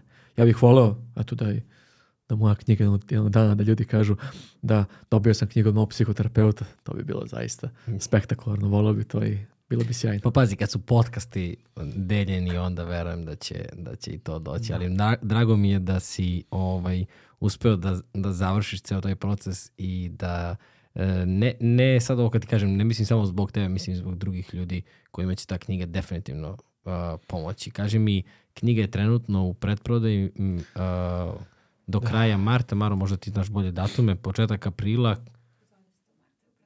do? Do 20. marta je u predprodaji, nakon toga hoće ići u knjižare hoće biti preko sajta, kako to funkcioniše? Preko sajta ide sve, nismo, mm -hmm. nismo se dogovarali sa knjižarama na jedan način, zapravo ja negde ne volim da se, da se nudim nikome, da sad nekog zovem, imam knjigu i to sve više volim ovako, to je, ja doživljavam i taj kanal i to sve što radim kao jednu, jednu porodicu, jednu zajednicu i ljudi koji su u toj zajednici znaju da, da li im to treba, da li im to ne treba. Ako smatraju da je to njihovo, to je to. I tako knjiga može se uzme kod nas na sajtu. U preprodaji je... Ja ću ostaviti sve linkove da, da, da znaš, može. za, za ljude koji slušaju. Ovaj, I baš se radujem da, da pročitam. E, ja nisam, sad ću da se prijavim ovde za, za predprodaju. Ja volim da kupim knjige od ljudi. Ja volim da platim to, zato što smatram da postoji, a, da treba da postoji razmena. Pogotovo kada je pisana reč, mm. da je to jedan možda mali skromni doprinos, ali, ali mora da postoji razmena jer ti si uložio toliko truda i toliko uh, uh, svega, mm. energije, živaca mm, i tako dalje. Ne znam da ćeš složiti sa mnom, nijedna knjiga nikad nije završena, ti samo moraš da ustaneš od nje. Ah, tako je. I da tako kažeš, ok, tako je. sa ovim sam ok za 10 godina ide dopunjeno izdanje. Tako je, tako je, tako je, upravo to. Da. Pa, malo čitamo, to je sigurno. A knjige su, zamisli, ti nešto pročitaš u istom trenutku, ti senzorno vidiš ta slova, tvoj mozak obrađuje te, tu reč, daje joj boju, strukturu, miris, notu. Tvoj mozak mora mnogo da radi da bi protumačio čemu, šta je zapravo to. Podcast ima sličnu formu, samo što slušaš. Opet knjizi dajem prednost. Zašto? Zato što moraš da radiš. Moraš sediš da čitaš. Podcast ti šetaš, slušaš, opet isto moraš da, da reči pretvaraš, ali knjizi dajem blagu prednost u odnosu na podcast iako su obe forme i tekako značajne, ključne. I tek bi onda na kraju stavio neki video format u nekim da, neko, da neko gleda nešto. Mislim da je to daleko iza svega. I ljudi moraju da čitaju više, to je sigurno. Više informacija o folderima. I svako mora napiše jednu svoju knjigu za, za život. Zašto ne? Svačije iskustvo je jedinstveno. I treba da kaže drugima gde je pogrešio, na koji način. Neko će kaže šta, piše knjigu kad možda je pročita pet ljudi, šta ima veze? I to je sjajno. Pet ljudi koji će da vide šta si ti uradio u svom životu i gde si pogrešio. Sljedeća knjiga će biti tehnička, malo tehnički, ja to sam rekao Marijani da, da malo gudim sebi, malo više. Ali eto, ovo je sad za početak. Znači plan ima još. Ja sam počeo da pišem drugu, zove se Preživeti u svetu ljudi. To je i još jednu koja je zapravo izdanje prve knjige samo sa naučne osnove iz svih mojih istraživanja i sve ostalo tako da su dve knjige u pripremi. Hoću da idem u tom smeru, to mi se dopada, sviđa mi se, volim, sviđam se sam sebi kada, kada da. pretvaram ideje u reči i volim kada, zapravo video sam ljudi kada čitaju stvari koje napišem, da im stvari koje napišem više znače nego one koje slušaju nekom videu. Napišu mi često poruku, ono što sam pročitao, to mi je mnogo pomoglo. E to mogu da ostavi kod sebe, jer da neko mi je poslao pre par dana poruku, tvoje savet hode polako mi je promenio život. Ja sam ga tek isto shvatio pre par meseci da je koliko je značajan. Kad god je neka frka je problem, ja usporim korak, idem i baš mi je mnogo lakše i lepše. Tako da, hvala ti na pozivu, e. uživao sam, bilo je sjajno, iako smo se da li ćemo dalje previše podcasta, da li nije, o čemu se radi, ali sam uživao svaki put, video sam ovog mališana i upoznao sam tvoj tim. Ti si upoznao moj tim, tako da ova dva tima sarađuju dobro i tu nema problema. Za sad je tako i ja sam jako srećan zbog toga. Uh, ostalo je samo još da mi kažeš promocija bre knjige. Mi smo najavili predprodaju i da, prodaju, da, da, da. ali promocija, uh, promocija veliku promociju knjige, praviš. Promocija knjige u Madladijanu, trećeg četvrtog. Uh mhm. -huh. Biće predavanje. Da li se ljudi prijavljuju? Kako funkcioniše? E, to je popunjeno sve, to je, oh. da, to je, to više, više nema mesta, ali planiramo da napravimo još uh, dva predavanja ove godine, također na istom mestu, za one koji nisu mogli da, da budu tu da dođu. Predavanje smo osmislili tako, osmislili tako da to ne bude samo promocija knjigu, nego bude predavanje negde. Želim da ljudi koji dođu da zaista čuju i da odu kući, da dođu kući i kažu dobro, danas menjam život. Hoću nešto da uradim. Šta? Pojma nemam. Imam neki potencijal. Koji je on? Ne znam. Nešto to nije, a moglo je biti. Hoću da saznam šta je to. Ti ćeš bre morati kao Čola, ono s njegovim koncertima, kad krene četiri koncerta rasprodata, ono Čola taj dan, po te nedelje snimio sedam koncerta, tako da moraš ubacivati to. Čola. Nešto moram da ti kažem, Ajde Marijana kaži. je, da se, da se ja pitam, odavno bi to bilo sve isključeno, sve društvene mreže, sve ostalo. Marijana da. je ta koja, zbog koje ljudi to mm -hmm. dalje gledaju, slušaju i koja, koja gura sve. Marijana je glavni krivac za sve ovo. Okrivit ćemo te, Maro. Hvala ti. Da Marijan, znaš. ovaj, mnogo mi drago da sam da sam vas video i da smo se ispričali. Emi, na koliko smo? No, skoro tri sata. Ovaj, a to je pratilo prvih sat vremena naše priče, pa onda paljenje kamere i tako dalje, ali zaista ovaj, malo, nam je, malo nam je par dana. Da, da. ovaj, da. Drago mi je da, da čujem neke lepe stvari sa vaše strane i radujem se da opet dođeš. Evo ja ću sad ovako da javno pitam ljude da li vam je dosta ili hoćete da snimamo još s obzirom da si ti u nekoj vrsti dileme. Ovaj, ali ja sam siguran da da će odgovori biti, biti potvrdni, da ćemo te mi videti uskoro ponovo. Čovječe, nismo se dve godine. Da. Zato što ne volim da se ponavljam toliko, a, a ne možeš toliko, ja, ja se bavim istraživanjima svaki dan, ja ne mogu toliko brzo istražujem koliko... Koliko, koliko ja brzo mogu da snimam. koliko možeš da snimaš. Sam tek sad završio istraživanje vezano za, za, za, nek, nek, za agresiju i za medijalni prefrontalni korteks i, i ne mogu toliko brzo da radim i onda dođem kod tebe imam to mogu ti kažem u tri minuta sve, šta dalje, o čemu se radi? Tako da eto ako... Ne, ali knjiga je dobar povod, pazi, zaista, da, zaista, jest, zaista. Jest. Čestitam ti svaka čast, hvala stvarno. Hvala puno, baš mi znači, hvala ti puno drugi put. Hvala, svima vama koji ste slušali i gledali ovaj podcast. Najbolji način da nas podržite jeste da se prijavite na YouTube kanal, drugi najbolji način jeste uh, PayPal, jednokratne donacije i Patreon. Hvala svima vama koji nas redovno podržavate i treći najbolji način jeste da iskoristite linkove i popuste kod naših sponzora i dobijete 10% popusta prilikom kupovine kregatina, paste Marco Polo, Uh, nadam se da ste uživali u ovom podcastu, da ste naučili nešto novo i vidimo se sledeći put.